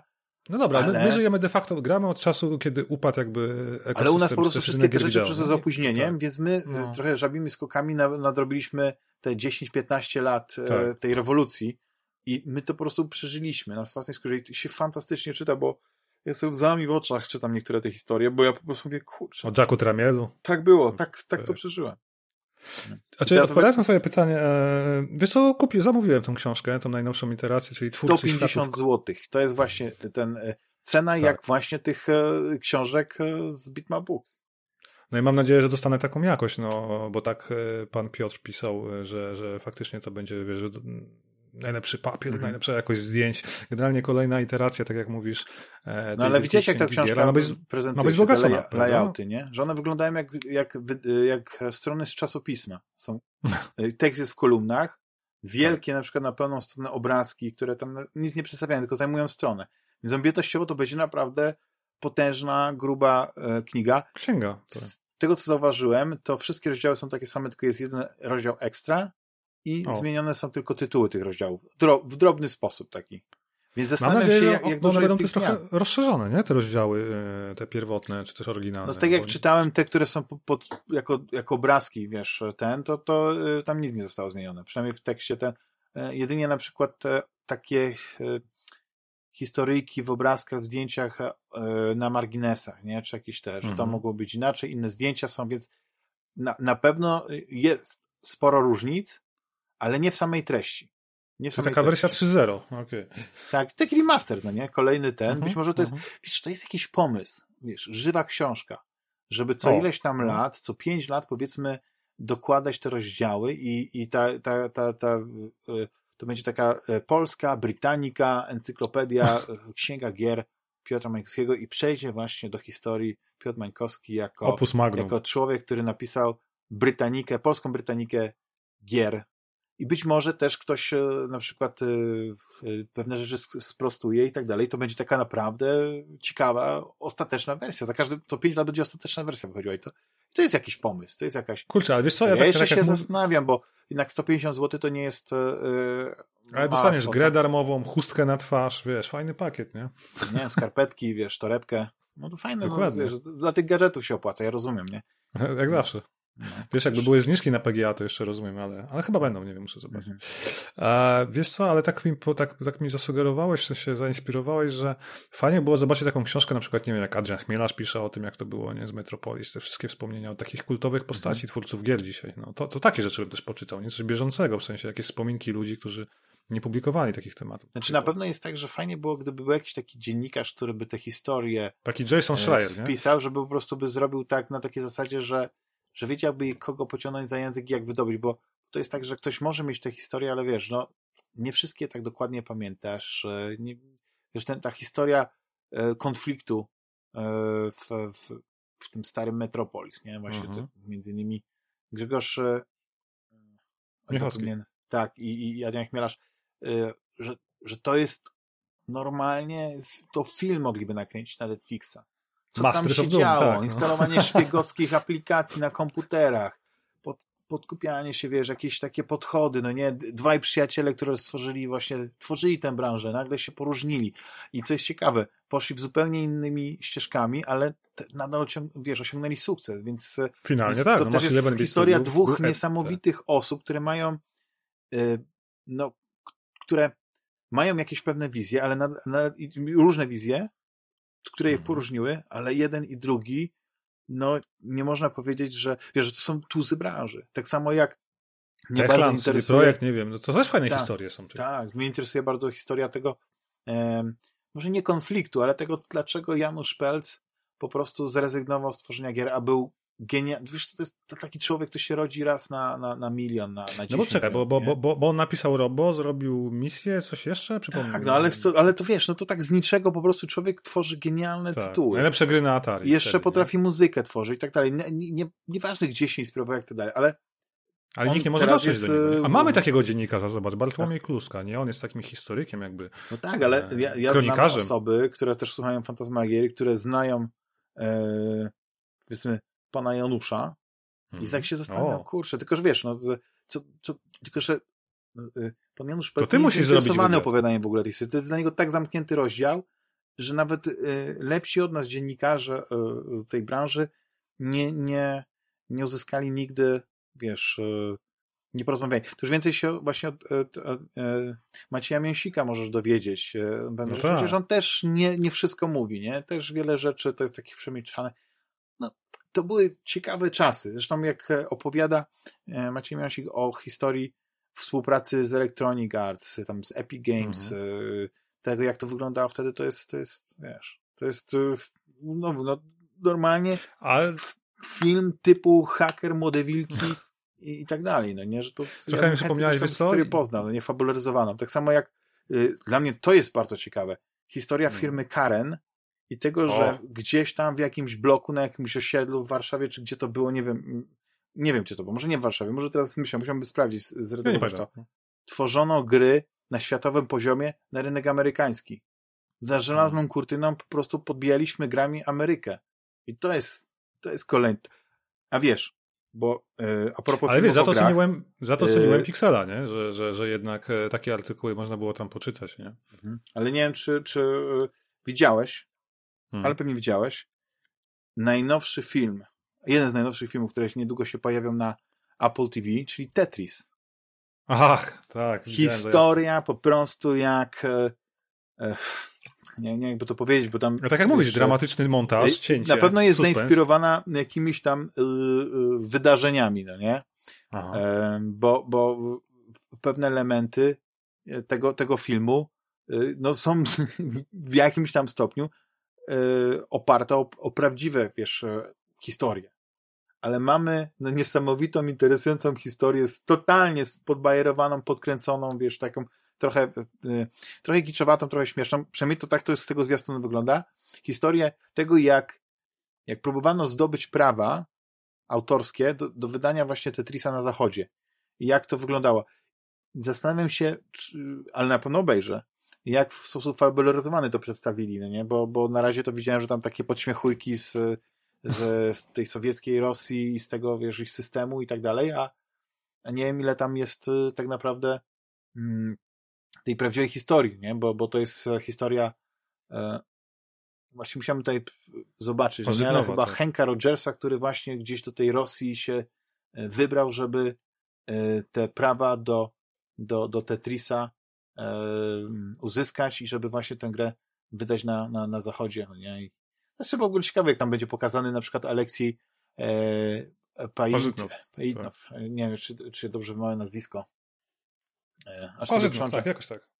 Słucham? Parzytnow, przepraszam. Widzisz? Chyba A, tak, widzisz, bo ty chyba to tak. wiesz, no to może nawet poznałeś Nie, nie, to pana, chyba- Parzytnowa. Bo, bo y, to jest ciekawe, bo wiesz, on trochę go, bo w, w takich realiach, w takim systemie żył, okradziono z tej, z tej, z tej, z tej gry, ale po latach on odzyskał y, te prawa i, i w, w 96 roku założył własną firmę, y, która nosiła chyba nazwę chyba Tetris Company, mogę się mylić, nie? I wiesz, Ale i, i, tak, y, tak. że jakby nawet po tylu latach, to nie, nawet, że, że Tetris był na każdym możliwym urządzeniu, na, na tym e, potrafił gdzieś jeszcze zarobić, to nie, no ale poza tym, no to, to genialny człowiek, no nie, który, który stworzył e, być może największą, najważniejszą, może nie najważniejszą, a chyba taką najpopularniejszą grę, tak. grę e, wideo na świecie, nie? Albo no Pacmana, nie? Więc ja na pewno, na pewno Tetrisa, Tetrisa obejrzę na, na Apple TV. To tak a propos y, tych, tych, tych rzeczy, które wspomnieliśmy przed chwilą. Ale, ale skoro jesteśmy przy kulturce mhm. i, i przy czytaniu, bo ja bym cię zapytał, co ostatnio oglądałeś, ale powiedz mi, czy jeszcze coś czytałeś ciekawego? Co, yy, nie musi być konkretnie to literatura związana z, z, grami, no nie, ale czy jakiś może komiks, y, czy, czy, czy książka? Tak, słuchaj, ja, ja, ja wiesz co, ja paradoksalnie mało mam, czytam literatury związanej z grami, raczej wręcz odwrotnie. No, jako fan science fiction to wiesz, pierwsze co robię, to czytam science fiction zawsze u mnie na priorytecie, potem trochę beletrystyki. Dużo kryminałów wciągam, ale o tym nie ma sensu chyba w ogóle gadać, bo to jest taka, wiesz, pożywka dla mózgu na zasadzie czytam literki, zasypiam, bo ja mam, nie wiem, czy kiedyś mówiłem, że ja przecnę, muszę przynajmniej godzinę poczytać, bo nie zasnę i to jest takie, takie wiesz, wkodowane w mózg mam, nie? A co ciekawe, Więc... bo ja czasami mam tak, że jak jest wciągająca książka, to mi się czasami lepiej czyta, właśnie kiedy powinnam już iść spać, a, a znowu, mhm. jak miałbym oglądać coś, kiedy jestem zmęczony, to zaraz zasnę. Tak, ja mam to samo właśnie, więc to jest jakby, to jest ciekawe, nie? Ale może dlatego, że jakoś mózg inaczej mhm. pracuje, zakładam. Tak. No, jednak tak strasznie pasywnie tego nie wciągasz, znaczy wciągasz pasywnie na swój sposób, ale wiesz o co mi chodzi. Tak, tak, tak. E, słuchaj, wiesz co, oderwałem bardzo ciekawy cykl, nie wiem czy znasz, e, znasz e, Michał Cholewa, Algorytmy Wojny, jest taki cykl science fiction. Hard SV, Space Opera w zasadzie. E, wyszło sześć tomów do tej pory, przez ostatnią dekadę mniej więcej. E, teraz czekamy na tom szósty, chyba, czy siódmy, przepraszam, na siódmy tom czekamy, ma w tym roku wyjść.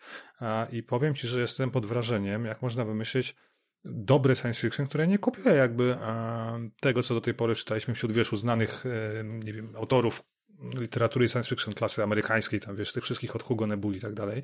Bardzo w jakimś skrócie, bo nie chcę się rozwodzić nad tym, to chodzi o to, że w pewnej dalekiej przyszłości, wiesz, AI, które steruje naszymi domami, nie wiem, e, organizacjami, rządami, państwami się buntuje i postanawia, wiesz, wyplenić ludzkość. Można powiedzieć w skrócie taki Terminator Skynet, ale nie do końca, bo tu chodzi bardziej też o androidy, które są kopią trochę tych replikantów z Blade Runnera. E, no i generalnie nadchodzi zagłada ludzkości, taka prawdziwa, nie? Gdzie Układ Gwiezdny jest skolonizowany, mamy, wiesz, kolonie, kolonie na wielu planetach. E, ci, co byli na Ziemi, oczywiście w ogóle nie przeżyli. E, wygrały kolonie, które były jakby najmniej podłączone do tej ogólnej sieci, były skomunikowane. No i potem wiesz, po tej zagładzie mija wiele setek lat, ludzkość się odbudowuje, ale dalej prowadzi wojnę z AI i niszczy wszystko, co zawiera w sobie choć trochę AI, czyli sztucznej inteligencji. I Generalnie całą jakby historię śledzimy przez oczy prostego żołnierza polskiego pochodzenia, wiesz, nazywa się Wierzbowski, bardzo polskie nazwisko, nie? Który służy tam w jakiejś armii e, Unii Europejskiej, bo co ciekawe, przetrwała Unia Europejska i to jest armia, która prowadzi wojnę ze, ze Stanami Zjednoczonymi, które też się jakoś inaczej nazywają i mamy jeszcze Imperium Chińskie. Więc mamy trzy frakcje, które walczą na zgliszczach ludzkości o jakąś dominację, wiesz, przestrzeni nad jakimiś ważnymi e, planetami, które jakieś surowców dostarczą. Przy okazji mamy oddział specjalny OS-ów prowadzony przez przez bardzo charyzmatycznego kolesia, do którego prędzej czy później, wiesz, Wierzbowski musi zostać zrekrutowany, żeby akcja poszła dalej. No i nagle, wiesz, mamy że prostego żołnierza, który robi karierę w tej armii, w tych OS-ach, czyli tych oddziałach specjalnych i śledzimy każdą, każdy tom w zasadzie się kończy jego awansem, nie? Więc ja ci polecam, bo to jest bardzo fajna rzecz. Faktycznie to się długo czyta, bo to są książki po kilkaset stron, jeden tom ma, ale jeżeli, wiem, że lubisz Space Opery, dlatego ci o tym mówię, więc jeżeli masz ochotę, to oczywiście warto sięgnąć i zresztą facet jest, autor Michał Cholewa jest matematykiem, informatykiem, ścisły umysł, e, zna się też z zamiłowania, jest fanem jakichś tam, wiesz, bitew, odtwarzania, więc te bitwy kosmiczne robią niesamowite wrażenie, nie? Tam jest jakby, jakbyś czytał te najlepsze, wiesz, bitewniaki amerykańskie, tych wszystkich, Taki raport z pola bitwy, tak, tak, tak, no. Trochę tak. Więc polecam. Słuchaj, na drugim biegunie Murakami, no na pewno znasz, nie? Japoński pisarz. E, mhm. Dorwałem jakiś jego nowy zbiór opowiadania. Czasem muszę Murakamiego, wiesz co, przeczytać, bo on tak pisze o innych rzeczach, z tak innego punktu widzenia. To jest takie wszystko bardzo surrealistyczne, jak czytasz, nie? Że, że mi się to podoba i raz na jakiś rok, dwa muszę poczytać coś jego nowego, szczególnie, że ominęło mi zbiór opowiadań. Jest taki bardzo fajny, dosyć nawet lekki, mam wrażenie, to się nazywa chyba pierwsza osoba liczby pojedynczej. O, tak się nazywa zbiór opowiadań. I, i, i jeżeli lubisz albo ci interesuje, to można poczytać, ale oczywiście polecam jego klasykę, tam Norwegian Wood, nie? I parę innych tematów. Zresztą jego nowa powieść w tym roku chyba wychodzi z tego, co słyszałem gdzieś. No, kiedyś Nobla pewnie dostanie, no bo to jest chyba najbardziej znany w tym momencie japoński pisarz, nie? Prozy. Mhm. E, no i wiesz, no na co dzień te wszystkie książki o grach, co gadaliśmy, Bitmap Books, tak. staram się tam na bieżąco być i, i gazetki nasze konsolowe, których niestety jest coraz mniej. No na rynku. Przecież teraz wyszła e, taki, no, taki periody, który wychodzi chyba raz na pół roku albo coś, retro, ale...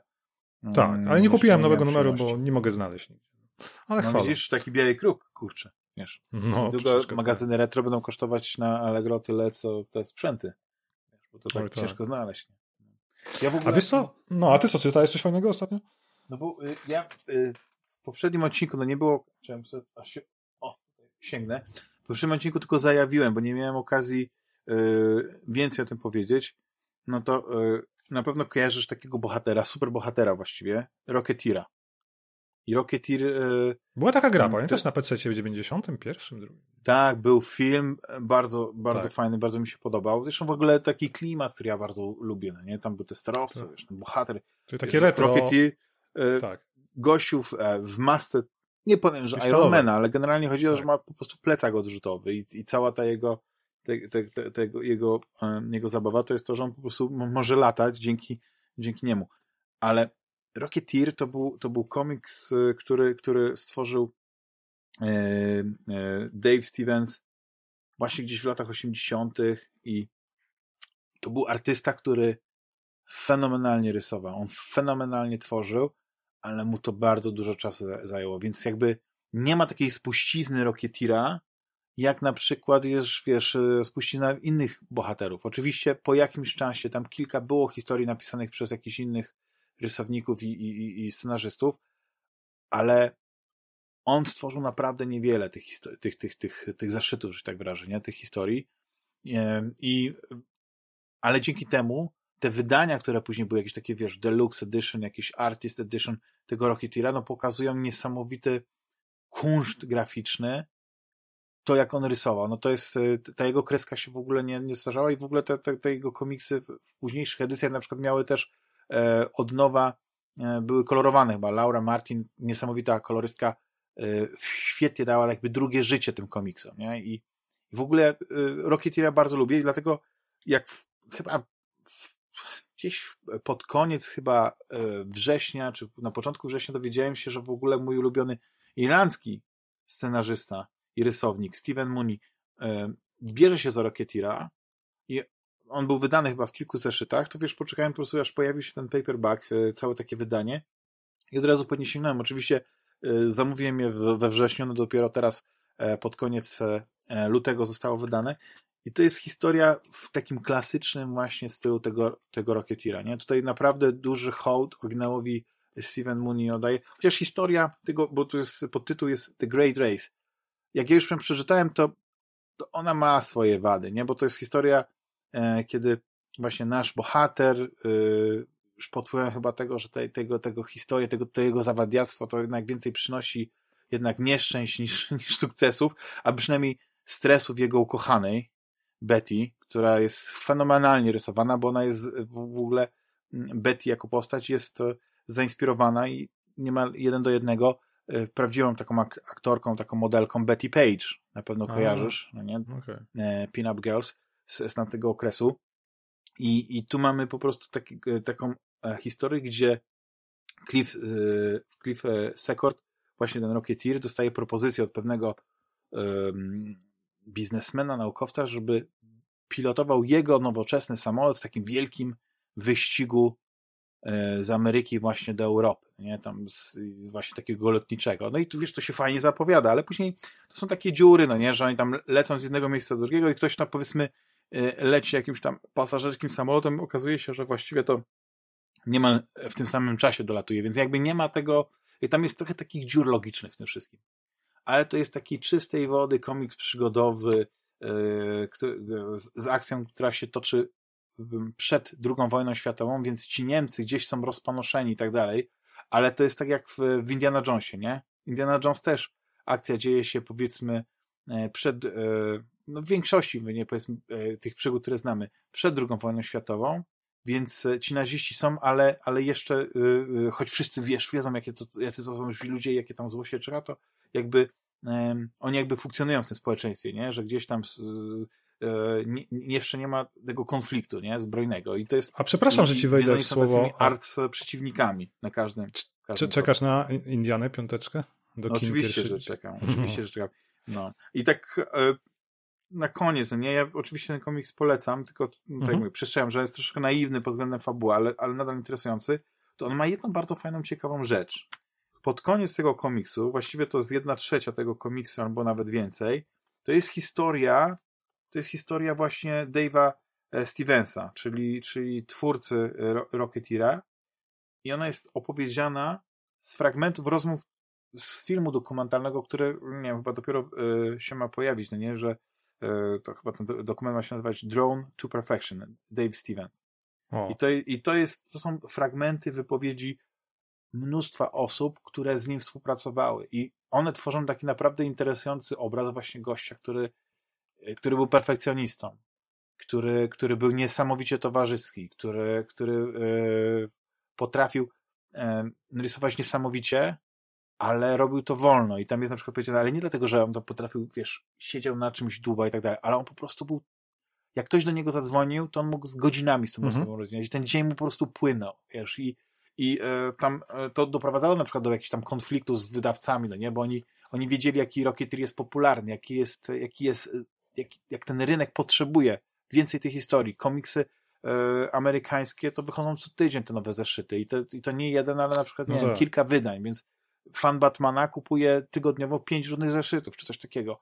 Tutaj niestety Rocketeer nie był, e, nie rozpieszczał i e, mam o inspiracji, no nie, skąd, skąd Dave Stevens właśnie e, czerpał pomysły na tych bohaterów w swoich historiach, no nie, tych, tych postaci drugoplanowe, o, o, tym, o jego warsztacie jest, o tych, o ludziach, które z nim współpracowali, o tym, jak powstała właśnie, jak, jak, jak zaczęto pracę nad filmem, co nie, skąd się ten pomysł wziął, no nie, i tak dalej, i tak dalej. Ciekawe. I w ogóle ciekawe. to, że na przykład Thomas Jane jest e, o.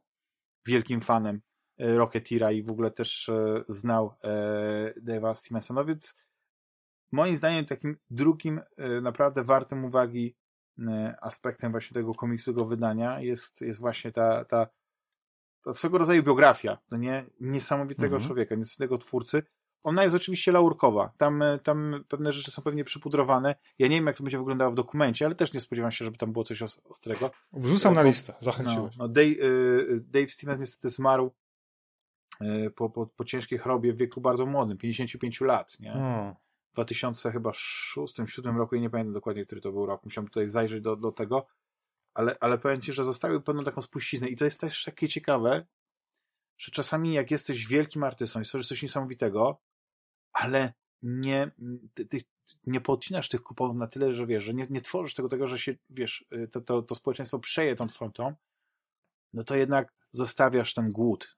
I, i, i to hmm. jakby też sprawia, że, że, że bardziej jesteś doceniony. Nie? No to, to jest tak, że jednak artyści powiedzmy sprzedają e, drożej swoje obrazy, e, bo ich po więcej śmierci, nie będzie tak. po swojej śmierci, więc e, e, nie wiem, czy to jest kwestia tego, że jest ten Rocketry bardziej doceniony. Nie wiem, czy E, czy więcej e, komiksów z tej serii się pojawi. Chciałbym, a e, na pewno warto zainteresować się, jeśli nie tym komiksem The Great Race, to właśnie tym takim kompletnym wydaniem Rocketeera, gdzie chyba tych pierwszych sześć części jest w takim bardzo ciekawym wydaniu przedstawione, a jak to się naprawdę ma gruby portfel, to polecam właśnie tą taką edycję deluxe, która jest no nie tylko masz ten komiks, ale też mnóstwo, mnóstwo e, skanów, e, z, z, wiesz, jego, jego grafik właśnie z pracowni. Tam widzisz ten podkład, wiesz, tam widzisz ten ołówek. E, mhm. No one, te, te, obrazki niektóre się wydają, wiesz, trójwymiarowe wręcz, bo, bo widzisz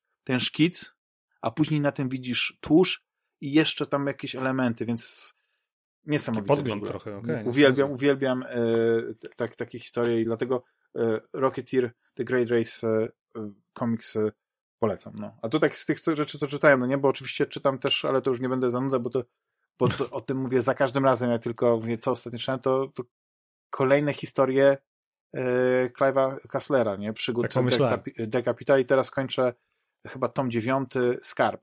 I jest coś takiego, wiesz... W... No bo to jest taki trochę, wiesz, współczesny Indiana Jones, nam brakuje takich awanturniczych tak, postaci. Tak, to jest na te elementy tak. science fiction, no nie, bo on zawsze jak Gawka Klassler pisał te swoje książki, to zawsze umieszczał tą akcję tak, tak między 5 a 10 lat przed, wiesz, kiedy ta książka się wydawała. Nie, no, tak pisał, więc on tak jakby miał jakąś taką wizję. Ale to nie przeszkadza, bo pewnych rzeczy nie przewidział, no nie? Bo na przykład w 95 roku już powszechne były na przykład telefony komórkowe, na w No jego tak. książkach powiedzmy ludzie w 95 roku jeszcze ich nie, nie, nie mają, no nie? Ale z drugiej strony to nie o to chodzi. Ja uwielbiam przygodę, ale tylko, że tam jest, y, ta przygoda jest gdzieś tam w, w tle tych poszukiwania tych artefaktów, to Tak. liczy się akcja i tam jest zawsze jakaś intryga polityczna, tam jest kilka e, wątków, nie? Tam się akcja dzieje nie tylko wokół e, Der Capita, ale też e, innych osób i to gdzieś później na końcu się zazębia i jest jeszcze taki dodatkowy epilog związany właśnie z tymi skarbami, że on jeszcze ma później czas, żeby ten, tą bibliotekę aleksandryjską cudownie ocaloną, czy jakiś tam, nie wiem, zaginiony artefakt znaleźć i, i, ja to lubię. I nieodżałowanym jest dla mnie, że, że kinematografia się nie poznała na, na, e, na klawie Kastlerze, albo przynajmniej próbując No właśnie chciałem ci powiedzieć, po, że- po Sa- Saharze i, i po, Sahara po, z Matthew McConaughey, nie? Że mi się to podobało. To było takie... Tak, to był dobry film przygodowy.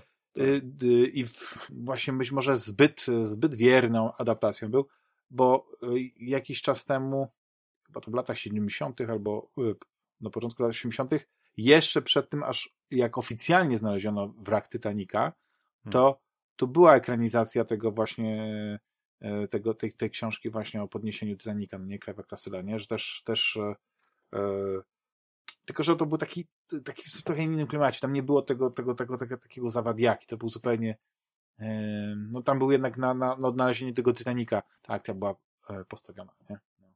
Ale ja uwielbiam w ogóle kino przygodowe, uwielbiam filmy przygodowe i jak tylko mogę coś polecić, to polecam serial Blood and Treasure, który, O. który y, dostał drugi sezon, ale niestety amerykańska publika nie poznała się na tym. Ten serial nigdy nie mógł wypłynąć na szerokie wody, więc nie był na Netflixie chyba, nie był na jakimś, znaczy nie jak czy na Prime, może na jakimś był Prime, na amerykańskim Prime, ale nie był Prime europejskim. No w ogóle nie kojarzę tego, no.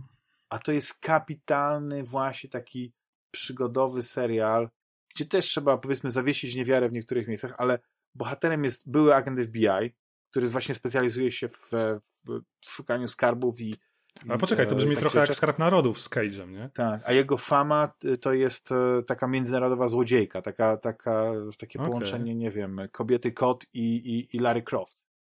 No i Mhm. wiesz, ten duet na początku gdzieś tam był e, tak, trochę jak e, właśnie Batman i Catwoman, no nie? Tam trochę darli Mhm. te koty, ale później już w drugim, e, w drugim sezonie to już oni są e, mm, parą i, i razem rozwiązują e, zagadkę tajemniczego sztandaru Genghis Hana. Próbują go odnaleźć, jednocześnie walczą z, z jakąś taką e, terrorystyczną organizacją e, Wielkiego Kana, a Hmm. w tle po prostu no, żyją się niesamowite rzeczy i, i międzynarodowe intrygi, a przede wszystkim, co bardzo lubię, to jest trochę jak w tych przygodówkach właśnie z Indiana Jonesa, że pojawia ci się mapa świata i Mhm. pokazuje ci przykład na przykład Laos, Hongkong, czy coś takiego i oni tam są.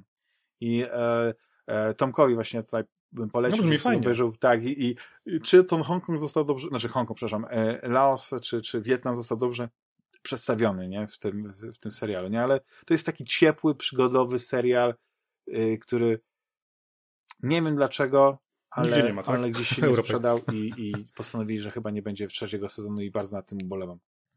And Treasure. Nie wiem, jaki jest polski tytuł, nie wiem, czy w ogóle w Zapisałem. Polsce był wydany. zapisałem. Nie, ja w ogóle nie widziałem tego nigdzie, więc pierwsze słyszałem, brzmi super, bo mi brakuje takich rzeczy, no bo co, mieliśmy Skarb Narodów, wracam sobie do, wiesz, Alana Quatermastera i Indiana Jonesa, tyle nam No. pozostało. O, a obejrzałeś ten nowy Skarb Narodów na Disney Plus?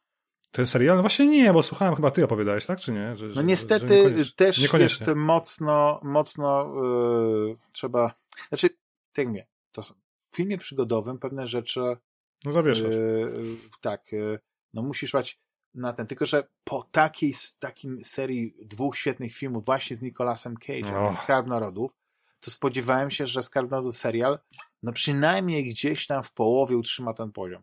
Tu mamy No tak, właśnie. że mamy wszystkich bohaterów nowych, no nie, to są młodzi ludzie, e, być może fajna byłaby z tego gra przygodowa typu e, Unusual Finding, ale, ale serial, wiesz, nawet ich lubię, no nie, wiesz, tak sympatycznie, ale chodzi mi o to, że e, najpierw przedstawia się ich trochę jako takich e, ciamajdowatych, a później się okazuje, że, w- że w tej ciamajdowości oni są genialni, no nie, przynajmniej jedna osoba jest taka. Druga osoba jest e, pierwsza, żeby tam pomagać wszystkim uciśnionym i ten kapitalistyczny świnie po prostu wykręcać im mordę, ale ma najdroższy zegarek, tam Apple Watch, e, pewnie Ultra wysadzony diamentami i mieszkają, e, wiesz, z jakiejś małej pensji, ale mieszkają w jakimś takim niesamowitym lofcie. Tak. Wiesz, to są takie no. rzeczy, mówię, kurczę, wiesz, ktoś to ogląda, tak mówię, no ale tutaj jakiś widzę, wiesz, jak to się mówi, dysonans mam. Tylko wiesz, jaki ja mam problem, tak jak mówisz...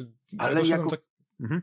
Nie, chciałem tylko powiedzieć, że doszedłem do takiego etapu, że zauważyłem, że koniec, nie mamy czasu, jest za dużo serwisów streamingowych, za dużo dóbr popkultury i ja teraz, wiesz co, eliminuję wszystkie rzeczy, które są po prostu dobre, a ja już mam czas tylko na bardzo dobre, z naciskiem na tak.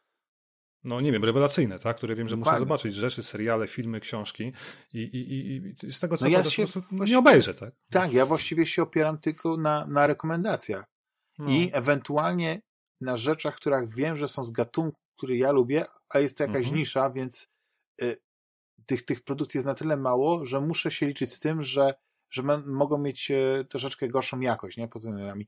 I tak, koniec końców, powiem ci, że Skarnerów nie jest zły, yy, zły serial, bo tam są fajne momenty, jest, jest fajna intryga, no są, yy, oprócz Nicolasa Cage'a, to i mm, ale brakuje, co? Diane Kruger, to tam, tam się pojawiają, wiesz, postacie z, z, z, filmu, nie? I mhm. mają jakieś swoje małe cameo ale to okay. szukanie takiego skarbu, no nie, wiesz, po całym tym, gdzieś tam uważam, że, e, że nie, nie postarali się, wiesz, że, że mogli to lepiej, lepiej zrobić. Może powinni właśnie porozmawiać ze scenarzystami e, tych pierwszych e, filmów z Indiana Jonesem, że powiedzmy, mniej znaczy więcej. Wiesz, mniej takiego szukania tak. po sznurku, że wiesz, w jednym odcinku, wiesz, koncentrujemy się, by znaleźć jakiś przedmiot A, żeby ten przedmiot A w następnym odcinku nie doprowadził do przedmiotu B, gdzie będziemy skoncentrować się na tym na szukaniu tego przedmiotu B. Jak go znajdziemy, to nas doprowadzi do przedmiotu C hmm. w innym miejscu. Wiesz, po prostu każdy odcinek to jest taki kolejny etap zagadki. Czyli takie chodzenie w kółko, nie? No. A koniec końców może być tak jak w Uncharted, nie? Że w Uncharted y, to też tam y, całe te podziemne struktury pod tą Barceloną, aż dziw, że nikt tego nie odkrył przez tyle lat, nie? I że to tam było. No i i ty mówisz sobie, no okej, okay, no tutaj muszę naprawdę wysoko tą niewiarę zawiesić, żeby, no żeby nie psuło mi to, to, to odbioru, a już w ogóle końcówka i te latające Holendry to już... Yy, to mi trochę było szkoda w ogóle tego. I, mówisz Uncharted? No, no, jednak ci, ci wielcy przestępcy może mają świetne umysły, no nie, ale już tak logicznego tam myślenia im czasami brakuje, no nie, w podejmowaniu pewnych decyzji, no i tyle. Ale z drugiej strony mam nadzieję, że Uncharted 2 będzie i tyle, że to się w ogóle sprzedało i że, tak, absolutnie. Nie, nie zostawi tego. Bardzo mi się Tom Holland podobał jako Drake, szczerze mówiąc jest ok. Mniej oczywiście Tak, Mark taka geneza, jako... nie? Historia wie, po prostu od, od, młodego do, do, do, do, wiesz, no ja, ja to kupiłem, ja to kupiłem. Po, ja po kupiłem połowę filmu, wiesz, połowę kupiłem, tak. E, no cóż, no takie mamy czasy. E, mhm. Ale powiedz mi, Rafale, bo ty mówisz, że oglądałeś, nie wiem, kto cię zmusił do tego no. i jestem ciekawy, jak, jaka jest twoja reakcja i czy obejrzałeś w ogóle wszystkie odcinki, całą serię. Ale ten serial Halo. I co tam po prostu jakieś kontrowersyjne rzeczy są? Powiem ci szczerze, że widziałem jeden odcinek, to mówię głośno, więc absolutnie nie mogę się wypowiadać na temat całego serialu, ale poczytałem recenzje i opinie i, i trochę się pokrywają z tym, co mi się wydaje po pierwszym odcinku. Wiesz, dla mnie Halo jest taką specyficzną serią, którą zawsze mówię wprost, uwielbiam. Uwielbiam tą rozmach tej space opery, to co Bungie zaprezentowało w pierwszej części. Bo pierwsza część była dosyć kameralna, ale jednak prowadziła, wiesz, no już abstrahując od gier, że masę nowości dla rozwoju gatunku, tam wiesz, ten jeżdżenie jeepem po dużych miastach, po dużych mapach, e, samo automatyczne regenerowanie zdrowia, tego wcześniej nie było, prawda? I tam i tak dalej, i tak dalej. Nie chcę to bardzo do gry wracać, ale jakby dla mnie to było coś niesamowitego. Fantastyczna historia, przede wszystkim bezimiennego, czy też beztwarzowego twarzowego bohatera, nie? Który właśnie budował tą taką aurę, aurę tajemnicy. Tak. No i w skrócie wielkim oczekiwałem tego samego od serialu, nie? Że będzie ten heros, ten prawdziwy bohater nadludzki, master chef, czy tam master chief, bo to chyba starszy bossman jest chyba w nomenklaturze tam marynarki, tak? Coś takiego. Tak, powinien bossman, tak. tak. A u nas się mówi master chef, wszyscy się śmieją, no ale to warto podkreślić. I, master chief, tak. Tak, okej. Okay. I, I wiesz, i Okej, okay, dobrali aktora, który no, nie przypomina mi jakiegoś wielkiego nadludzkiego człowieka. Dobrze, to jest serial, zawieszam trochę, wiesz, tak jak mówisz, niewiarę, czy też wiarę. E, i, natomiast mój problem polega na tym, że on już w pierwszym odcinku za chwilę zdejmuje hełm, więc od razu mamy jakby tego Johna, tą ludzką postać, którą poznajemy od tej strony, wiesz, nie Herosa, nie nadludzkiego bohatera, który dokonał niesamowitych czynów, jest tą legendą wśród żołnierzy, zagrzewa wszystkich do boju, tylko zwykłym trepem, żołnierzem Johnem, który ma swoje problemy, potrafi płakać i tak dalej, wiesz. I jakoś mi to nie, zag nie zagrało mi, wiesz, w tym kontekście jakby kreowania tej postaci super nadludzkiej, nie?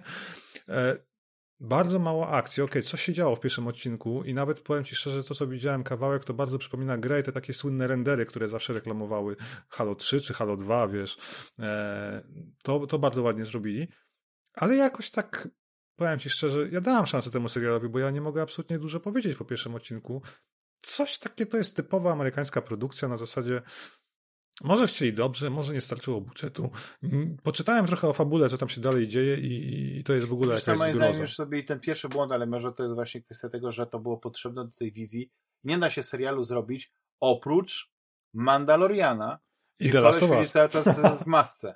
tak. Mandaloriana, I, ale, tak. ale to powinno im pokazać, że można jednak zrobić i że gdyby się postarali, to by, to by mogli nawet powiedzieć, że Bruce Willis gra tego, tego, tego yy, czy jakiś inny aktor takiego, wiesz, dużego kalibru. No, który... Albo no-name'owy. no, no, nie wiem, Dolph Lundgren, kurczę, albo ktokolwiek, wiesz, taki. I, I, dla mnie to jest, to jest jakiś taki zawód, bo, bo ja też słyszałem jakieś takie różne opinie, ale nie, nie widziałem tego, więc ja, ja wrócę do niego, wiesz co, i na pewno nie opowiem kiedyś więcej, jak tak. skończę, bo, bo trzeba. Wiem, że drugi sezon zapowiedziany jest. Tak. A jak oglądasz na przykład inny popularny e, serial oparty o, o e, serię gier wideo, czy The Last of Us? Czy, czy jesteś na bieżąco, czy... Tak, tak, tak. Jestem na bieżąco i wiesz co, to nie ma co ukrywać, jestem zachwycony tym, że udało mi się idealnie zekranizować grę. E, oczywiście jest masa skrótów z punktu widzenia nas, graczy, no bo no nie możesz pokazać, nie wiem, chociażby w pierwszym odcinku czy drugim przebijania się przez te wieżowce, które w grze zajęły tam, nie wiem, 2-3 godziny. Tu masz jednak odcinek, który musisz streścić kawał gry, nie? Mhm. I wydaje mi się, że zarówno Craig Mazin, czyli ten reżyser i, i Neil Druckmann, który tam też przecież pisał scenariusz, e, to, to jednak wyszli obronną ręką z tego, pokazując syntezę tej gry, tak? Czyli relacja dwójki bohaterki budowana, czy bohaterki bohaterów, budowana relacja i ta podróż po tym postapokaliptycznym kraju, ale mam jeden zarzut taki, że jest bardzo mało akcji z punktu widzenia walki wiesz, z tymi zarażonymi. Tak. To, to, to w grze było zawsze jakieś niebezpieczeństwo. Wiedziałeś, że oni gdzieś się czają, gdzieś się kryją i mogą cię zaatakować. Tutaj w ogóle nie czułem, że oni są poza no, tymi... Dokładnie, to jest taka wycieczka, wiesz, że jest, oczywiście jest pewne niebezpieczeństwo, jest y, to, że człowiek człowiekowi wilkiem. No tak. I tak. mi się bardzo podobał ten odcinek um, w tym, w tym mieście, gdzie oni byli osaczeni, tam musieli przetrwać, później ten taki tak. tragiczny koniec, ale no, to był taki odcinek, który mógłbym powiedzieć, że okej, okay, tam widać, widać, że jesteśmy w, w świecie, w którym dlatego ci ludzie budują takie zasieki, dlaczego się tak bronią, dlatego są, że, że jest to niesamowite niebezpieczeństwo, że są, są ten, bo y, właściwie na początku było to pokazane, był ten moment właśnie z, z, tym, z tym poświęceniem się tej, tej tez, nie? To mhm. trochę zdradzam, ale mam nadzieję, że nikomu nie psuje tej no każdy oglądania. Grał. Nie będę mówił szczegółów, ale pamiętasz, tam, tam, tam widziałeś tak. ten, ten, te hordy i, i tak. to, co oni zrobili, ale później znowu to tak siadło. I na przykład ten słynny trzeci odcinek mi się e, dosyć podobał, ale to też jest tak, że to jest jakaś wizja literacka, jakaś taka potrzeba rozbudowania Adaptacja, historii tak, oczywiście. położenia też mi się bardzo podobało. na nią, tak, tak. Mhm. bo, bo akurat yy, teraz mamy tak, że, że taka historia, że, że ludzie chcieliby taką historię poznać. Mi się ona podobała, mhm. dlatego że to była taka historia, która się, ona pokazywała całą tą historię z punktu widzenia yy, ludzi, ale zupełnie odciętych od reszty świata, żyjących podczas tej pandemii przez te 20 lat i ona miała początek, miała swój prolog, miała swój, e, swój środek i miała epilog. I ona była no, bardzo taka interesująca, wzruszająca, nie? I, i tak. E, tylko, że ja, ja zawsze to podkreślam, ja mówię, że ja po prostu nie lubię zombiaków. I gry mi się hmm. podobały, bo były po prostu bardzo dobrymi grami. I tam były mocne historie mm, i gdzieś e, jakoś to, tak samo jak ty na przykład, nie wiem, no nie lubisz fantazy, ale jak czasami ci się pewnie w jakąś fantazy grę e, nie udaje zagrać, pewnie ją docenisz, nie, jeśli jest naprawdę nie. dobra. No, tak, tak, nie no. No Wiedźmina, dobra, ale... No właśnie, no, ale tutaj gdzieś, e, nie wiem, no, no ten odcinek, gdzie właśnie tam wszystkie tak wiesz, z podziemi i tak dalej, normalnie jak w Left 4 Dead to wyglądało. To jest ta strzelanina, te eksplozje, Bardziej wyglądało te, to jak różne ten, rodzaje tych Tak, klikerów. World nie? War Z był taki film. Nie, nie, bardzo fajnie. Znaczy, podoba mi się tempo tego serialu. Bardzo mi przypomina Drogę. Pamiętasz ten film z Viggo Mortensenem i Tak, na tak. podstawie Cormaca McCarthy'ego książki, nie? Mhm. Że oni tam też szli przez taką zniszczoną ziemię post-apo i to był też smutny Tak. film właśnie taki, no. No to, To w jakby jakimś sensie tempo jest y, pewnie y, jakaś taka wariacja na temat. Tak, oczywiście. No. Znaczy, Nie, ja jestem zachwycony Ja- jestem, no powiem ci tak. tak, znaczy dla mnie to jest, wiesz co, jest dobrym punktem tego jest to, że, że być może to pokaże e, ludziom, którzy decydują w tym Hollywood, e, jakie filmy, czy jakie seriale warto wyprodukować, czy w tym HBO, czy tam w Netflixie, Mhm.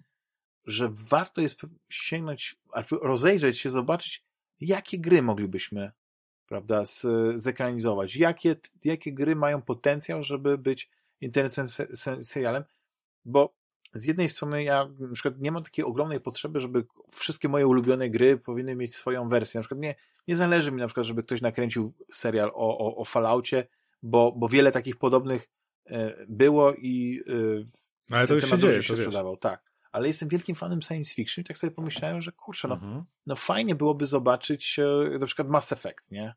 E, No. e, serial, nie? I, i, Ale taki- wiesz, jaki to musiałby być budżet? To musiałby być Apple plus coś jeszcze i na jak Star No ale Wars. widziałeś Star Trek Discovery, nie? Serial. Tak, tak, Nie, oczywiście. nie no, Babylon wypowiadam 5. się o samym serialu, bo moim zdaniem on tam miał swoje e, duże minusy, no nie? I tak dalej, ale co było ciekawe, to jednak oni mieli tam budżet filmowy. To był budżet, no zresztą jak się słyszy na przykład ile tam e, Amazon Prime, nie? Amazon wydał na, na produkcję Pierścieni Władzy, no to, to Oni wiesz, mają pieniądze, niesamowite No pieniądze. właśnie, bo, bo, bo, bo, e, tak jak mówisz, to tak, wiesz co, ten Fallout przecież Amazon Studios teraz produkuje, co pokazują screeny, wiesz, tam z, e, jak się mówi, z setu, z planu filmowego. tak, tak, to tak, wygląda tak. to fajnie, nie? Takie kultowe miejscówki z gry, szczególnie z Fallouta 4.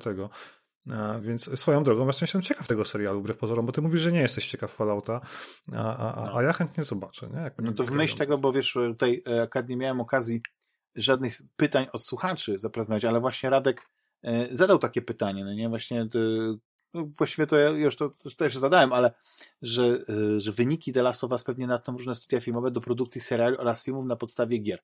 E, Może to być przyspieszenie nowego trendu, który trwa. Wiedźmin, Uncharted, Arcane, o, a to a propos League of Legends, Halo. Tak, no to będzie katalizator, tak jak mówisz, e, jakby nowe rozdanie, jeśli chodzi, kto więcej wyprodukuje zapewne seriali, filmów na bazie gier, popularnych marek, po prostu. No No właśnie. sobie zabezpieczy IP i taki, wiesz czego się boję trochę?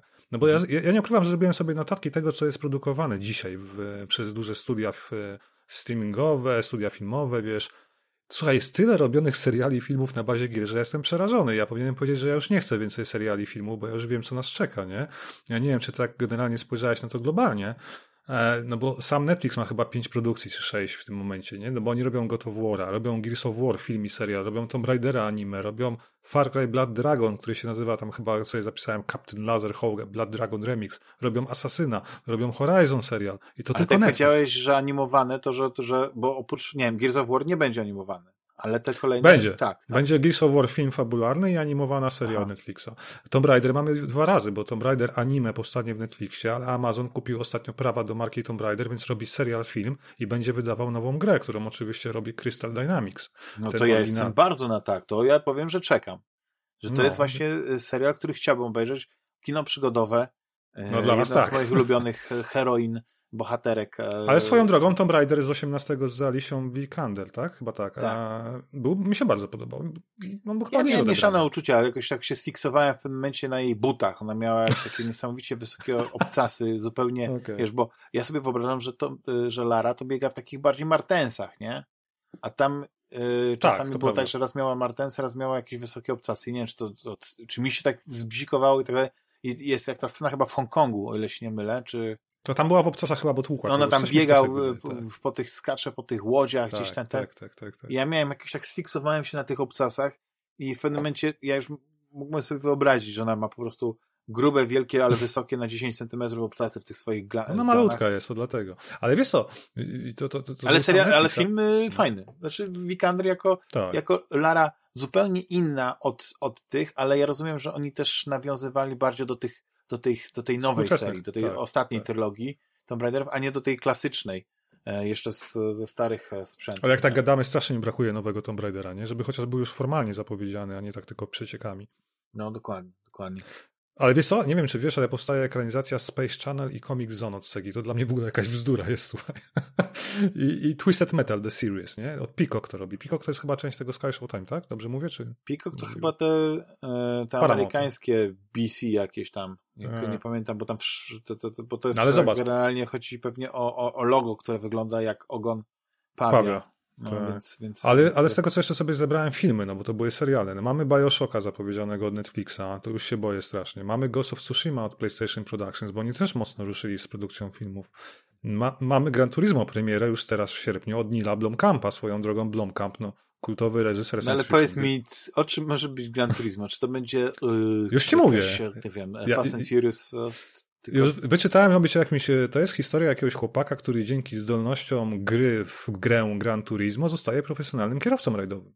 Tylko nie wiem, czy to jest historia oparta na faktach, muszę doczytać, bo coś mi mignęło, czy to jest jakaś, wiesz, wymysł science fiction znaczy, Na faktach może być częściowo oparta, bo są takie przypadki, że naprawdę okay. zdolni, zdolni tacy kierowcy, w cudzysłowie cyfrowi, e, potrafią te swoje umiejętności przenieść na, na prawdziwy tor, bo, mhm. bo w drugą stronę to jest tak, że niemal, niemal to jest pewniak, nie? Bo jest dużo takich e, kierowców rajdowych czy wyścigowych, którzy wsiadają w te, te, te kokpity i, i mają jeszcze lepiej, bo nie mają tych takich przeciążeń, wiesz? No tak. Więc jakby to, to ciało, no nie, to więc jakby nie muszą się tak siłować, nie jak to powiedzieć, że, że no tak, tak, tak sobie wyobrażam, że, że po prostu e, też potrafią niesamowite wyciągnąć wyniki, mimo że, e, ale to, no nie wiem, no to, że to jest symulacja, nie? No. Prawda. Ale ciekawe. Ale ciekawe jestem, jest, bo Blomkamp cenię za te wszystkie filmy science fiction, które robił, za te jego shorty, nie? Old Studios swoją drogą polecam, na Netflixie mhm. są dostępne. No District 9, no to jest... O, klasyk, nie? Jest... Wiesz co, mi się wydaje, że on teraz wróci w łaski, bo nie wiem, czy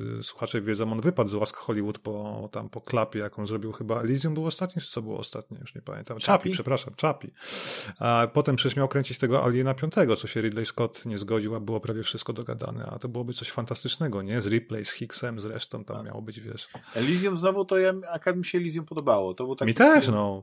On, e, znaczy, podobało mi się ze, ze względu na, na wizję właśnie tego, tego Elysium, czyli tego, tego świata e, w tym właśnie Halo, nie? A propos, tak, tak, że tak, na tym tak, pierścieniu tak. e, stworzono świat idealny, taką utopię. I, i dla mnie to jest... Tylko, że no i ma Damon, trochę naciągana historia, że skoro udało się stworzyć takie maszyny, czemu nie mogliby ich zreplikować i stworzyć je na Ziemi i, i, i nie wiem, i y, żeby to było jak normalnie Star Trek gdzie nie ma chorób, nie ma problemów, nie ma, nie, wiesz, nie ma, nie, nie ma, głodu. Tak. Ciekawe, nie? E, no mam nadzieję, że wróci dzięki temu filmowi, wiesz, znowu do łask Hollywood i coś fajnego nakręci, bo on mówi, że Dystrykt 12 chce nakręcić, to chyba ma się tak nazywać, czy 10, whatever. Anyway, sequel Dystryktu 9 oczywiście. Aha. No, bo on ma gotowy scenariusz, tylko nikt mu nie chce dać kasy, no bo wiesz, jedynka się kończy cliffhangerem, jakby nie patrzeć, nie? Do dzisiaj. E, nie wiem, czy A, pamiętasz. Znaczy, nie pamiętam tego cliffhangera, mi się podobał cały ten klimat, tylko że to było tak oparte na tych jego doświadczeniach, w ogóle na doświadczeniach tak. wiesz, e, e, Ameryki, e, Afryki. E, Johannesburga. No, Afryki, tak? tak? Że, że, że apartheid, te, to podzielenie, mm -hmm. te, te, te, te slumsy, te, no, wiesz, ja w ogóle bardzo lubię filmy katastroficzne i gdzieś głęboko w moim sercu ma, e, filmy czy seriale związane z inwazjami obcych mają e, e, szczególne miejsce, miejsce bo okay. też nie ma tego dużo. Jeden z takich no seriali, który, który oglądałem i on jakby e, z sezonem na, na sezon jego bardziej doceniałem, to jest ta Kolonii. Super jest, no. Jak ja żałowałem, że oni wiesz, zakończyli produkcję po trzecim W takim sezonie. momencie, w takiej chwili, że jak, jak ja mówię, kurczę, jak ja bym chciał zobaczyć, jak oni mają wizję tego, co jest tym prawdziwym zagrożeniem, nie? Bo, bo, bo generalnie tak. wszystko inne to jest takie oparte na na, na tych doświadczeniach, Domysłach, powiedzmy, tak, tak. rodziców naszych rodziców, nie? Bo to chodzi o wojnę, wiesz, okupacja, ten reżim, no i wiesz, masz, masz y, kraje, które przeżywały okupację, jak nie wiem, jak Polska, gdzie, gdzie, gdzie, gdzie żyło się po prostu pod butem tego, a miałeś takie kraje, które dosyć lekko przeżyły tą okupację, jak na przykład Francja, nie? Już nie chcę hmm. wchodzić w szczegóły, ale i to, to, to w tym e, w tym serialu było, nie? I tam widziałeś jeden sezon był właśnie taki, że wszystko to było takie państwo policyjne, później było trochę inaczej i ten koniec, Ach. kurczę, no jak mi brako, brakuje tego, żeby, żeby gdzieś ta historia e, miała jakieś dopełnienie, jakiś epilog, nie wiem, choćby to była jakaś książka, czy, czy jakiś niewydany scenariusz, tak jak to czasami się dzieje, że ktoś znajduje, odkopuje mm, jakiś właśnie koncept nawet. no niestety, ale wiesz co, oni, oni chyba nie będą mieli tyle szczęścia co Expans, nie? Które uratował Amazon i tak. zakończył swoją drogą też w takim momencie. Czy wiesz co, ja nie wiem, czy ten Expans się tak zakończył.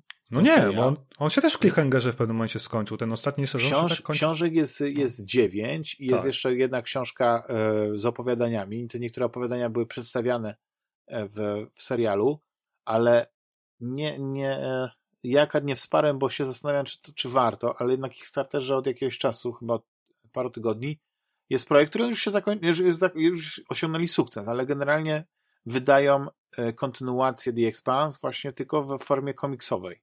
O. I y, jakieś mają być najpierw ileś tam 12 zeszytów, bo później to będzie w jakiejś takiej formie trzech y, grubszych albumów.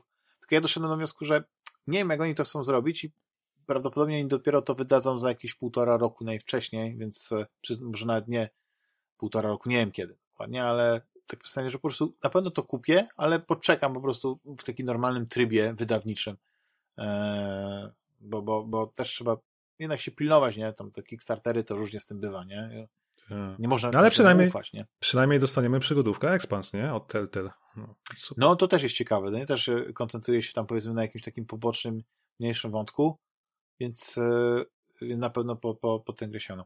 A z tej, tej, na tej liście, czy no. widzisz jakiś, e, znaczy e, widzisz dużo seriali i tak dalej, ale jest jakaś gra, którą chciałbyś zobaczyć właśnie jako film albo serial?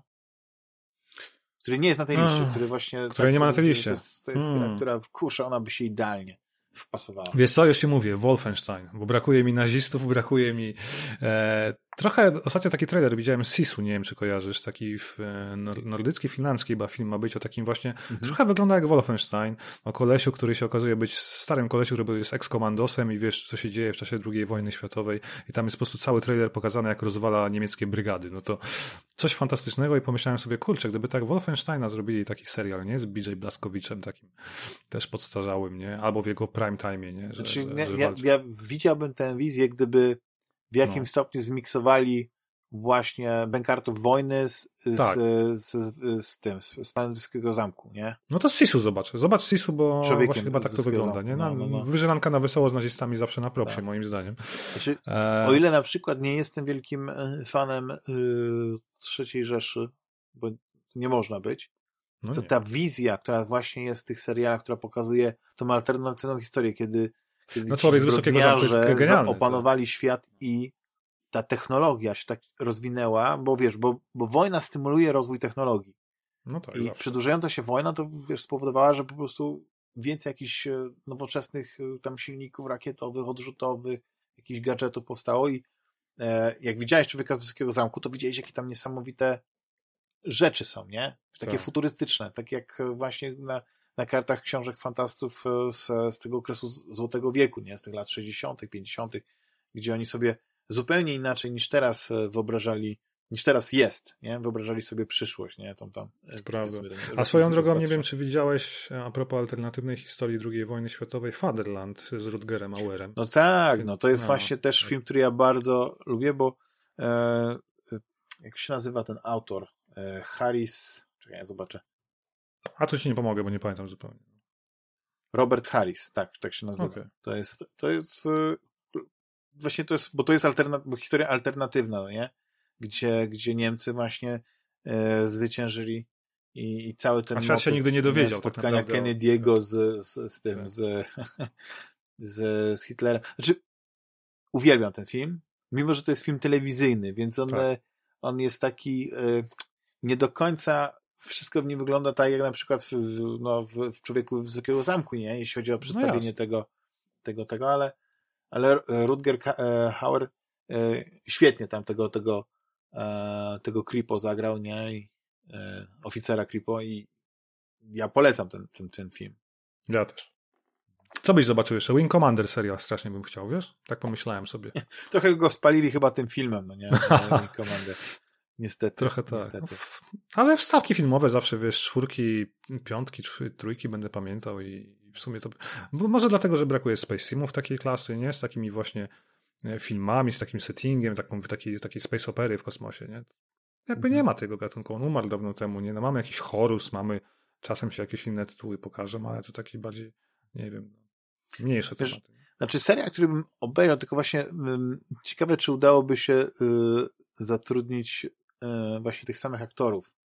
Y, czy jak się nazywał ten aktor, wiesz, czekaj, zobaczę sobie. Powiedz skąd, to ci powiem, który. Który grał Teda Murphy'ego, no nie, czyli y, la la la la la.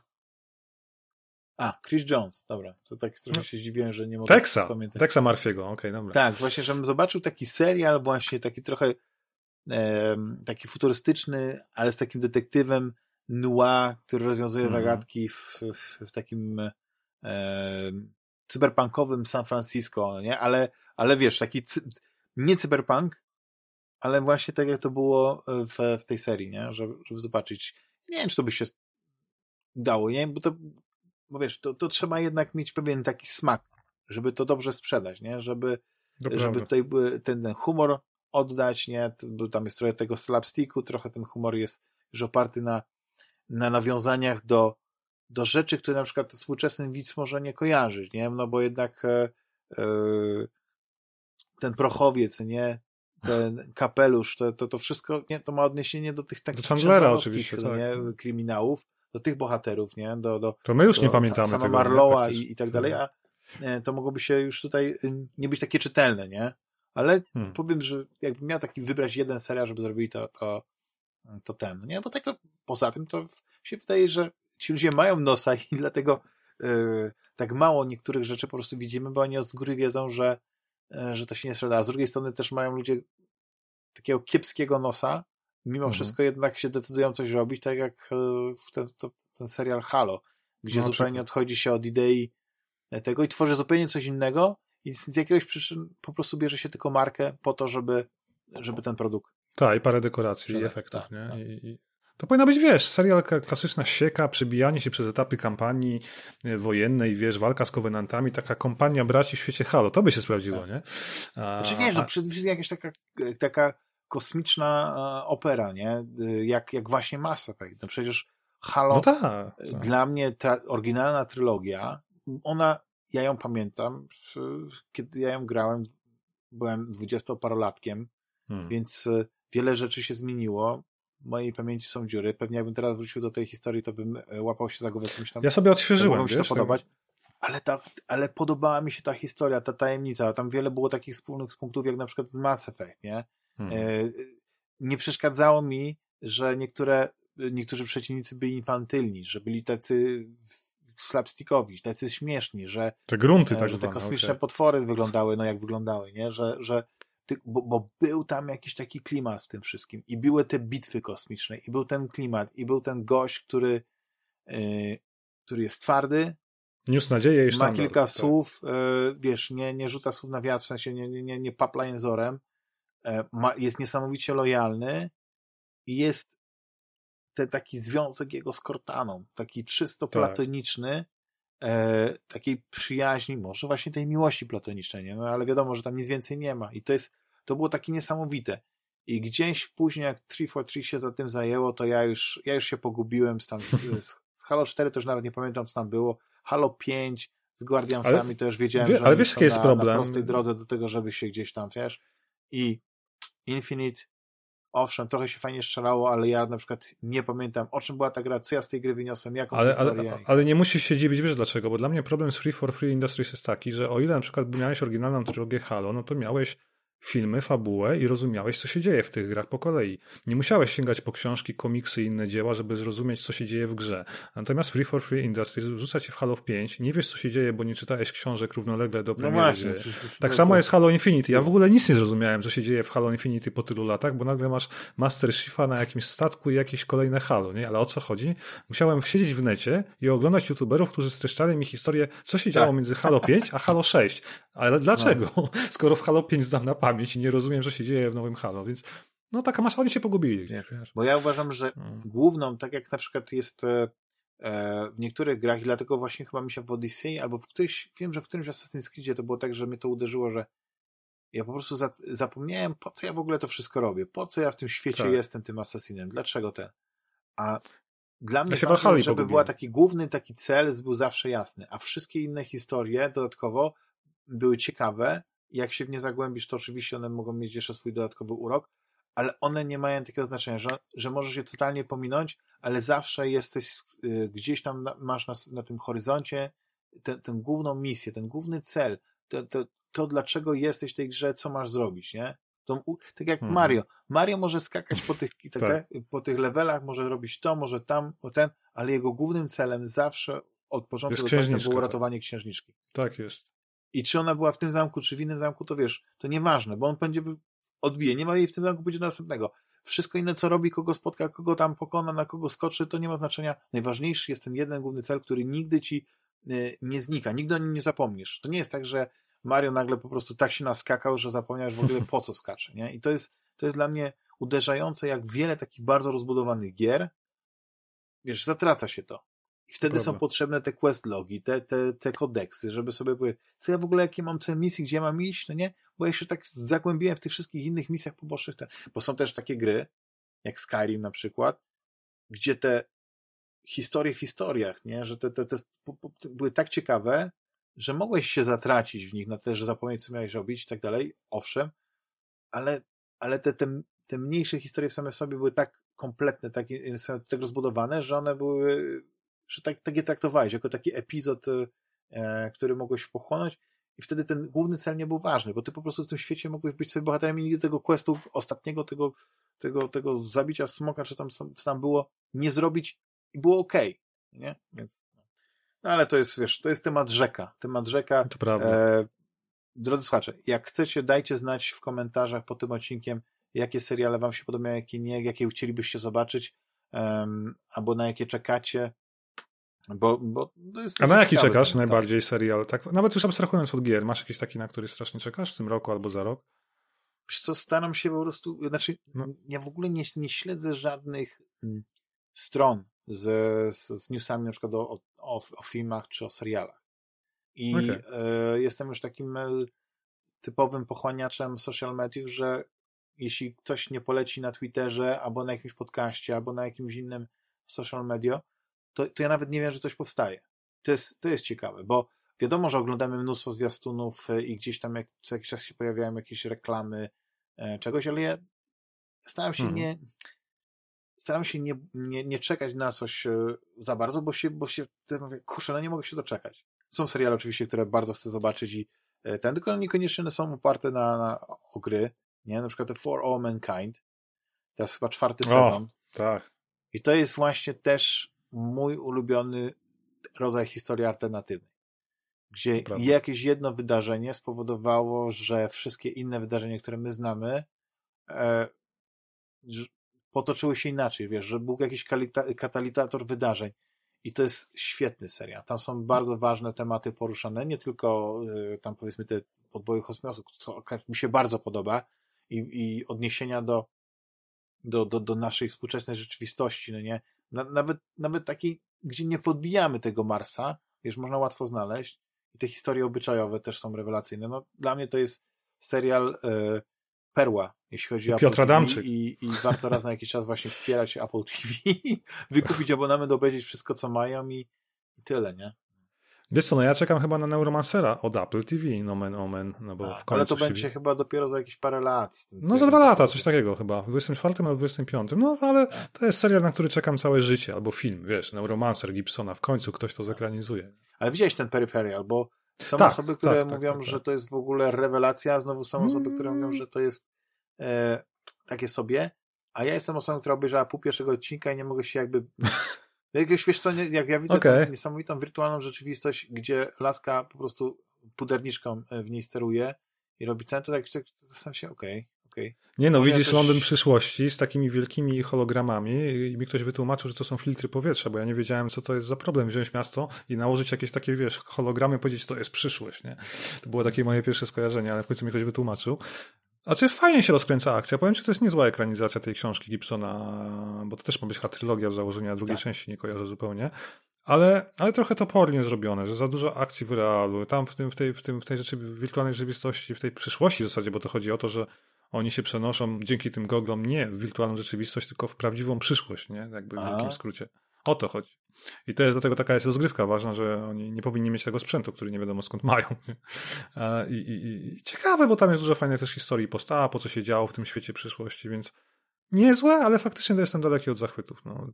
Powiem ci szczerze, do dzisiaj wolę odpalić Johnny Mnemonika z 90, nie pamiętam którego, z Kianu tak. i się pośmiać z tamtej wizji, nie?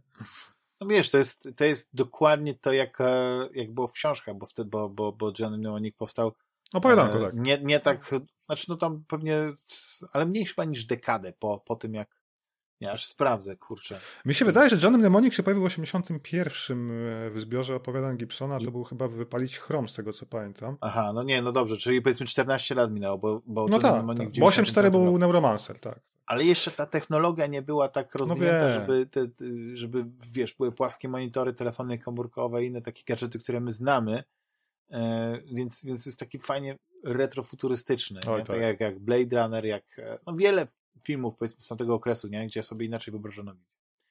No, ale ten. Ale, Rafał, bo musimy powoli kończyć. Jestem Dobijasz. bardzo ciekawy, bo ty jesteś aktywnym podcasterem. E, okay. Co, tam, co tam przygotowujesz w następnym odcinku Starego Gracza? Jaki temat główny? A, tak. W przyszłym nadchodzącym odcinku zmierzę się z tematem legendarnego aktora, jakim niewątpliwie jest Nicolas Cage. czyli, czyli wiesz, w wielkim skrócie, no bo to jest bardzo ciekawa historia moim zdaniem, no bo mhm. Nicolas Cage przecież e, no, zapowiadał się na gwiazdę, zdobył swoją drogą chyba dwa Oscary, czy jeden, nie pamiętam, no, za Zostawić Las Vegas na pewno i potem za adaptację chyba był nominowany, a w międzyczasie grał w super sensacyjniakach e, tak. pierwszoligowych z Hollywood, prawda? Twierdza, Lot Skazańców, Con Air i parę 60 sekund potem było i generalnie masa ikonicznych filmów i nagle się stoczył. Końcówka pierwszej dekady lat 2000, no to jest jego upadek, można powiedzieć i on długo się nie mógł podnieść. Teraz znowu wraca w łaski Hollywood. On przecież w ogóle zbankrutował po drodze, bo też będę miał taki epizod o tym, jakie mm. robił niesamowite zakupy, nie? I wydawał pieniądze na głupoty.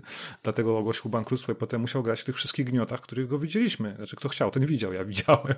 A, to jest niesamowite, dzisiaj... jak, jak, tak. jak ktoś mógł, wiesz, przejść właśnie z, być stroną głazą, na topie, tak?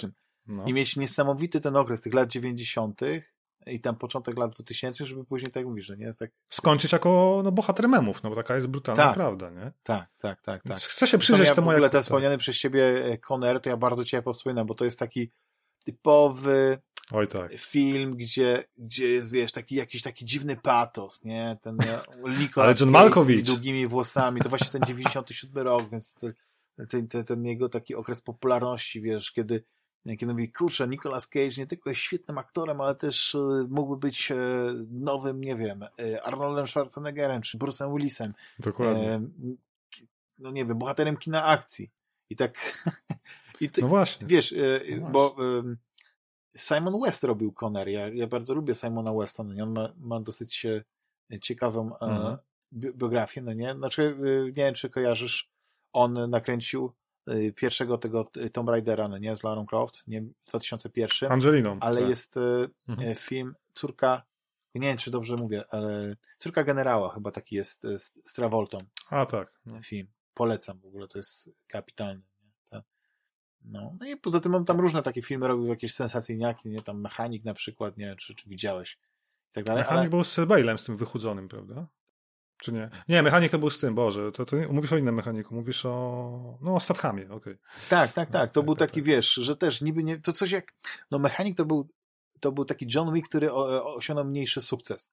Bo to tak. też był taki typowy, sensacyjny film, gdzie coś jak Transporter, nie? Tak, tak.